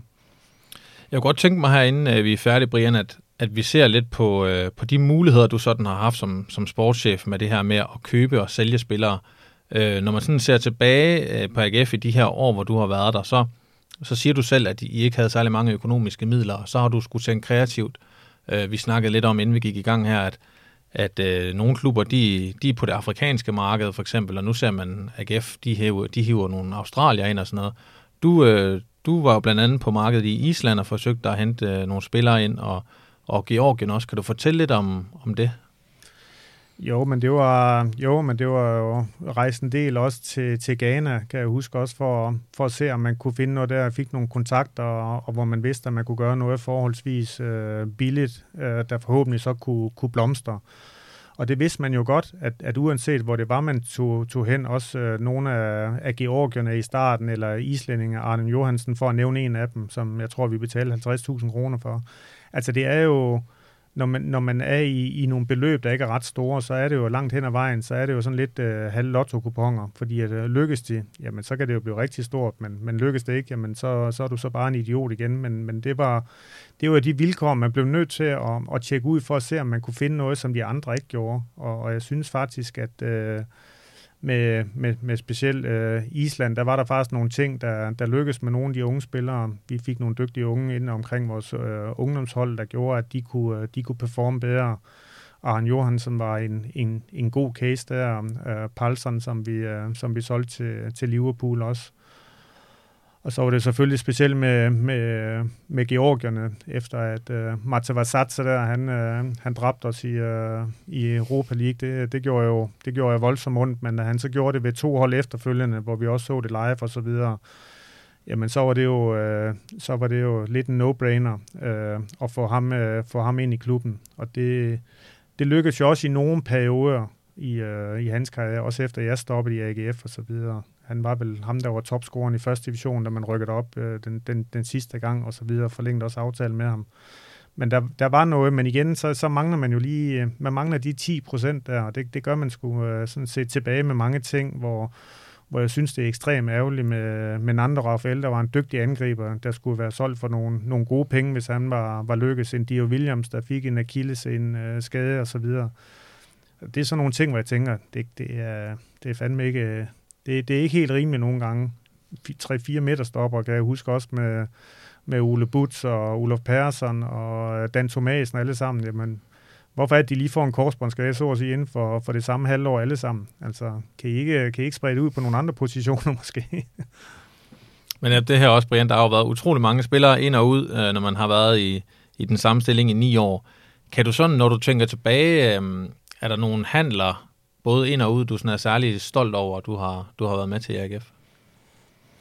Jamen, jeg, jeg synes jo, at det var jo det var en god handel også. Jamen, Arden Johansen synes jeg jo også, fordi at man ikke betalte ret meget for ham, og så, øh, så kunne sælge ham for de penge, men det var jo en ekstremt svær case også med, med Arden, fordi at, at han spillede jo ikke ret meget bedre, end at han lige så godt kunne være, være lejet ud øh, den, den sommer, hvor han så lige pludselig eksploderer med de mål. Jeg tror, det er september eller oktober måned, hvor han scorer en, en 8-10 mål på, på en måned, hvor man bare tænker, wow, og der har du jo der har du en kontrakt, der løber ud sommeren efter. Så der vil jeg sige, at det er... Der, der, der kom jeg godt nok til at fedt for, øh, for Magnus øh, Magnussen, øh, agenten fra, fra Island. Der var jeg godt nok mange gange over på Island og skulle betale nogle fadøl der. Og, og det var, det var faktisk en, en, en meget lærerig proces, hvor, hvor jeg kan huske, at, at jeg kunne ikke rigtig få tingene til at, at, at falde helt på plads, men, men hvor jeg snakkede med nogen, som, som jeg læner mig lidt op af, der også ser i en stor lederstilling og sådan lidt rundt omkring, øh, hvor, de, hvor de sagde til mig, se det som en business case. Altså, kan du sælge ham til sommer? Jamen, det, det var jeg sikker på, at jeg kunne. Hvis jeg bare fik underskriften, så skulle jeg nok sælge, sælge ham. Og det gjorde jeg så, at man, ja, okay, jamen, så måtte man jo så betale det, det, det nu engang kostede. Og selvom det var dyrere end det, man plejer at gøre. Men det gjorde jo også, at man så fik øh, de der 11, 12, 13 millioner, tror jeg det var allerede om, om vinteren, vinteren for ham. Michael Lum synes jeg også var en, en, en, en god case, øh, da, vi, da vi solgte ham over til, øh, til Rusland. Øh, og der, der har du igen, altså det, det kan jeg huske, at, at vi solgte en, en han var omkring A-landshold på det tidspunkt, Lump, øh, og solgte ham for et to millionbeløb, men der var jo, efterfølgende var der jo 0 kroner at gøre godt med, og jeg kan huske, at jeg at man havde en lønning på en 40-50.000, det var så det, man kunne erstatte en, en A-landsholdsspiller med, i stedet for, at der måske var blevet proppet 2 millioner ned i en kasse og sagt, okay, nu, nu kan man gå ud og gøre det og det og det, men, men, men, men det var det, og så skulle man jo så gøre et alternativ ud fra det, fordi at øh, sælges det, det skulle han, det var der nogle andre, der også var, var med til at sige, at altså, kan man få de penge, og, og det skulle man jo også, fordi det var jo gode penge på det tidspunkt at, at få. Det er bare ærgerligt, at det aldrig har genereret noget den anden vej, hvor du ligesom så kunne, kunne, kunne gøre nogle ting øh, når det var. Så jeg vil sige, de der ting, og så Mike Tulberg måske, det var, det var også en, det var også en, en interessant handel. Det var, øh, der kan jeg huske, at øh, ja, det var jo, ja, jeg ved ikke, jeg, jeg tror, de der, de var oppe og gik på nogle andre spillere, men da, da Tula, han så, øh, så lavede det saksespark Spark i 90. 20. minut, der, så skal der love for, at der, at der skete noget, så det var jo det var, det var en fin handel at, at lave også, og, og en god mulighed for, for Mike i at, at få et udlandsophold. Jeg fik, apropos den med Tulberg, der har, der har jeg en lidt sjov en med. Jeg, jeg hørte et sted, at, øh, at I på det tidspunkt med Mike Tulberg, øh, han var kommet fra Greno eller noget af den stil, og I sikkert heller ikke rigtig givet noget for ham. Nej. Og så slår han jo til at lave det her Saxespark over i Brøndby. At øh, Regina, der, der køber ham, de har budt øh, en million for ham, og det har I sagt ja til. Og så er det først senere, I finder ud af, at det er en, øh, det er en million euro, ikke en million kroner. Ah, nej, nej, nej det, det passer ikke. Men, men der, der, ligger en, øh, der ligger en sjov historie bag der, fordi at jeg kan huske, at Ole Hall der, og jeg, vi, vi er på, øh, på kontoret, der, der, da faxen, den, øh, ja, så mange år siden er det, der faxen den tigger ind, øh, øh, hvor de har et, øh, et tilbud på, på Mark Tulberg på, øh, på lige nok en, en million euro. Øh, og der forsøger man så at se, om man kan, man kan få nogle videresalgsprocenter, man forsøger at se, om man kan få nogle bonus og, og så videre, og så videre, og så videre. Fordi at øh, prisen var jo godt klar over, at den, den, kunne vi nok ikke, øh, den kunne vi nok ikke røre ret meget ved. Den var nok øh, maksimal i forhold til, øh, til tingene. Og vi, øh, Ola og jeg, vi, vi sender tingene retur og så videre, og så går der ikke, øh, så går ikke ret lang tid, så ringer der en, øh, en mand ned fra, fra klubben af, og, og på lidt, øh, sådan lidt gangster italiensk, der siger han så bare, you have one hour to sign that contract. Så sagde jeg til Ole, nu skriver jeg lige under på den her, så smider du lige den igennem faxen. Fordi det, det kommer ikke til at tage en time, det her. Den, øh, den skal vi se, om vi kan få igennem. Så, så det var egentlig historien der med, med tingene. Og det var jo sikkert også turbulent for, for mig dernede i, i Syditalien, men det, en million øje var jo en million øje, og det var jo, det var jo gode penge. Jeg har, jeg har også skrevet et par andre navne. Nu kom du selv omkring øh, Olof Persson, men han er jo sådan en, han er jo næsten et spøgelse, når man snakker om ham, fordi jeg tror, han nåede at spille en enkelt træningskamp eller noget. Ja. Men han var jo, øh, en kaptajn-type op fra, fra Malmø, og jeg tror endda, måske selv du spillede sammen med ham ja. deroppe også, som I fik hentet til. Og det er vel igen, du har været lidt omkring det, men vel også lidt i historien om, hvor, hvor meget uheld også er til at kan spille ind i, ind i det her. Mm. Hvad, hvad var Olof Persson for en type, og hvad var det i virkeligheden, der gik Jamen, Olof gik Persson var jo anfører i Malmø. Han var en ledertype. Han har spillet samtlige kampe for holdet i, jeg ved ikke, hvor mange sæsoner. Og så får man jo mulighed for lige pludselig i forhold til at, at, at få sådan en, en type og en person, som man kendte så godt, og som man bare vidste, at det her det ville være helt perfekt, hvis man kan få ham. Ja, så får man ham, og så, så lige nøjagtigt, så, så sker det, og så det uheld, at han, han spiller en eller to træningskampe. Øh, jeg tror endda, det er mod Malmø, øh, en, af, en af de træningskampe, som han spiller. Og det gør så, at han får en alvorlig knæskade med, med ja, både korsbånd og menisk, og desværre også brusk, der så gjorde, at, at han så at sige ikke får en, en kamp i AGF i, i hele den periode, som han er her. Det er, jo, det, er jo, det er jo helt vanvittigt, når man lige tænker tilbage på det. Og lidt trist, fordi at der er jo nogle af de spillere, hvis de havde kunne få lov til at spille og spille op til det niveau, øh, som de havde og så videre, så var historien jo anderledes, men, men så, ja, det er, jo, det er jo bare en del af det er jo bare en del af historien, og der er selvfølgelig noget der der, der er held uheld, og det er jo også det, nogle gange at der er nogle personer der bliver der bliver der bliver målt på i kulissen. Altså alle kan jo alle kan jo AGF gøre alt, hvad de vil, og arbejde 18 timer i døgnet, hvis det er det, der skal gøre. Men øh, hvis der er straffespark i 90. 20. minut i den afgørende kamp, og så den går ind, og alle er lykkelige, og alle synes, det er helt fantastisk, og hvis den går ud, så er alle bare kæmpe idioter. Og, og ikke et specielt godt stykke arbejde, der er lavet, fordi man rykker ned, for eksempel. Så, så det er jo... Men det er jo også det, der er charme ved fodbold. Det er jo det, der, der er fantastisk. De der følelser, der er på spil hele tiden. Og det, det er derfor, at, at jeg er glad for, at jeg også har været i AGF. Man har været i Tyrkiet, man har været i nogle af de steder, hvor, hvor det betyder noget. Altså det, fodbolden, det betyder enormt meget for, for folkene i Aarhus og så videre. Og det, det, jeg tror sgu i hvert fald i søvn, hvis, uh, hvis jeg arbejder i nogle andre klubber, hvor, hvor det ikke betød så meget, altså om, om man vandt eller tabte, så var, så var tingene jo ligegyldige.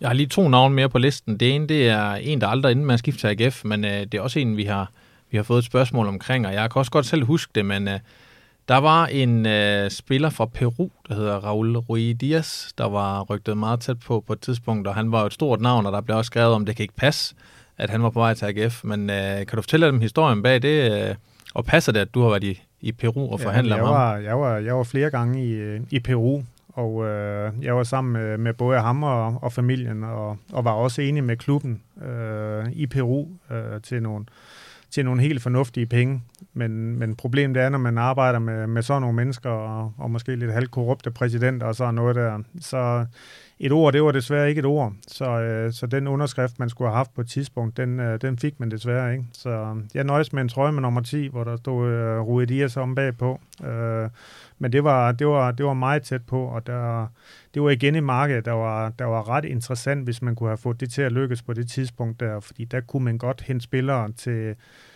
til ikke, ikke helt billige penge, men, men jo slet, slet ikke de penge, som man, man snakker om i dag, men der kunne man godt have, have fundet nogle spillere, hvis man kunne have fået det til at, at tilpasse øh, den europæiske kultur, som jo selvfølgelig stadigvæk ville have været svært, også selvom man har fået Rudi Dias.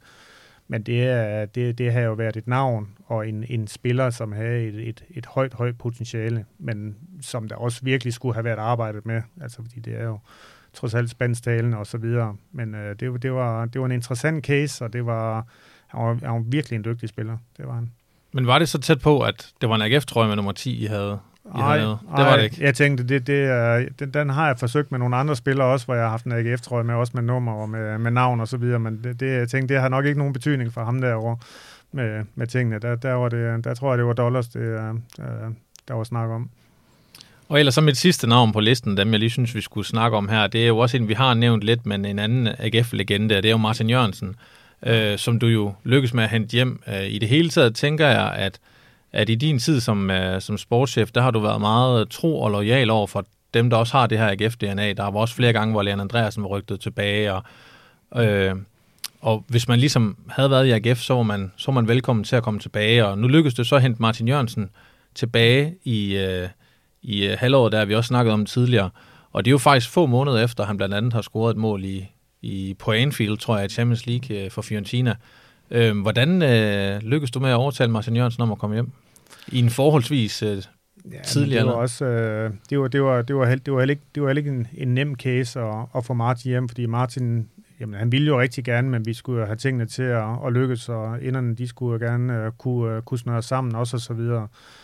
Men, men, men det der med, at man vidste, at man kunne få en, en, en, en person øh, ind, ind i klubben med, med de fodboldmæssige kvaliteter, med de menneskelige kvaliteter, med, med det, som det kunne give AGF, det der kunne give øh, ja, ja, hele klubben, at man kunne, at man kunne præsentere en, en Martin Jørgensen, det var jo det var jo kæmpestort. Jeg kan ikke helt huske, øh, hvordan vi fik tingene til at, at lykkes til sidst, øh, men, men det gjorde vi jo heldigvis, og, og jeg, var, jeg var enormt glad og enormt stolt over at kunne sige velkommen til, øh, til, til Martin Jørgensen og få en, en, en, en, han er jo en, en klublegende, og det er jo, øh, jeg selv på landsholdsniveau er jo en legende, og, og kunne få ham hjem igen til at, at spille for AGF, det synes jeg var kæmpestort.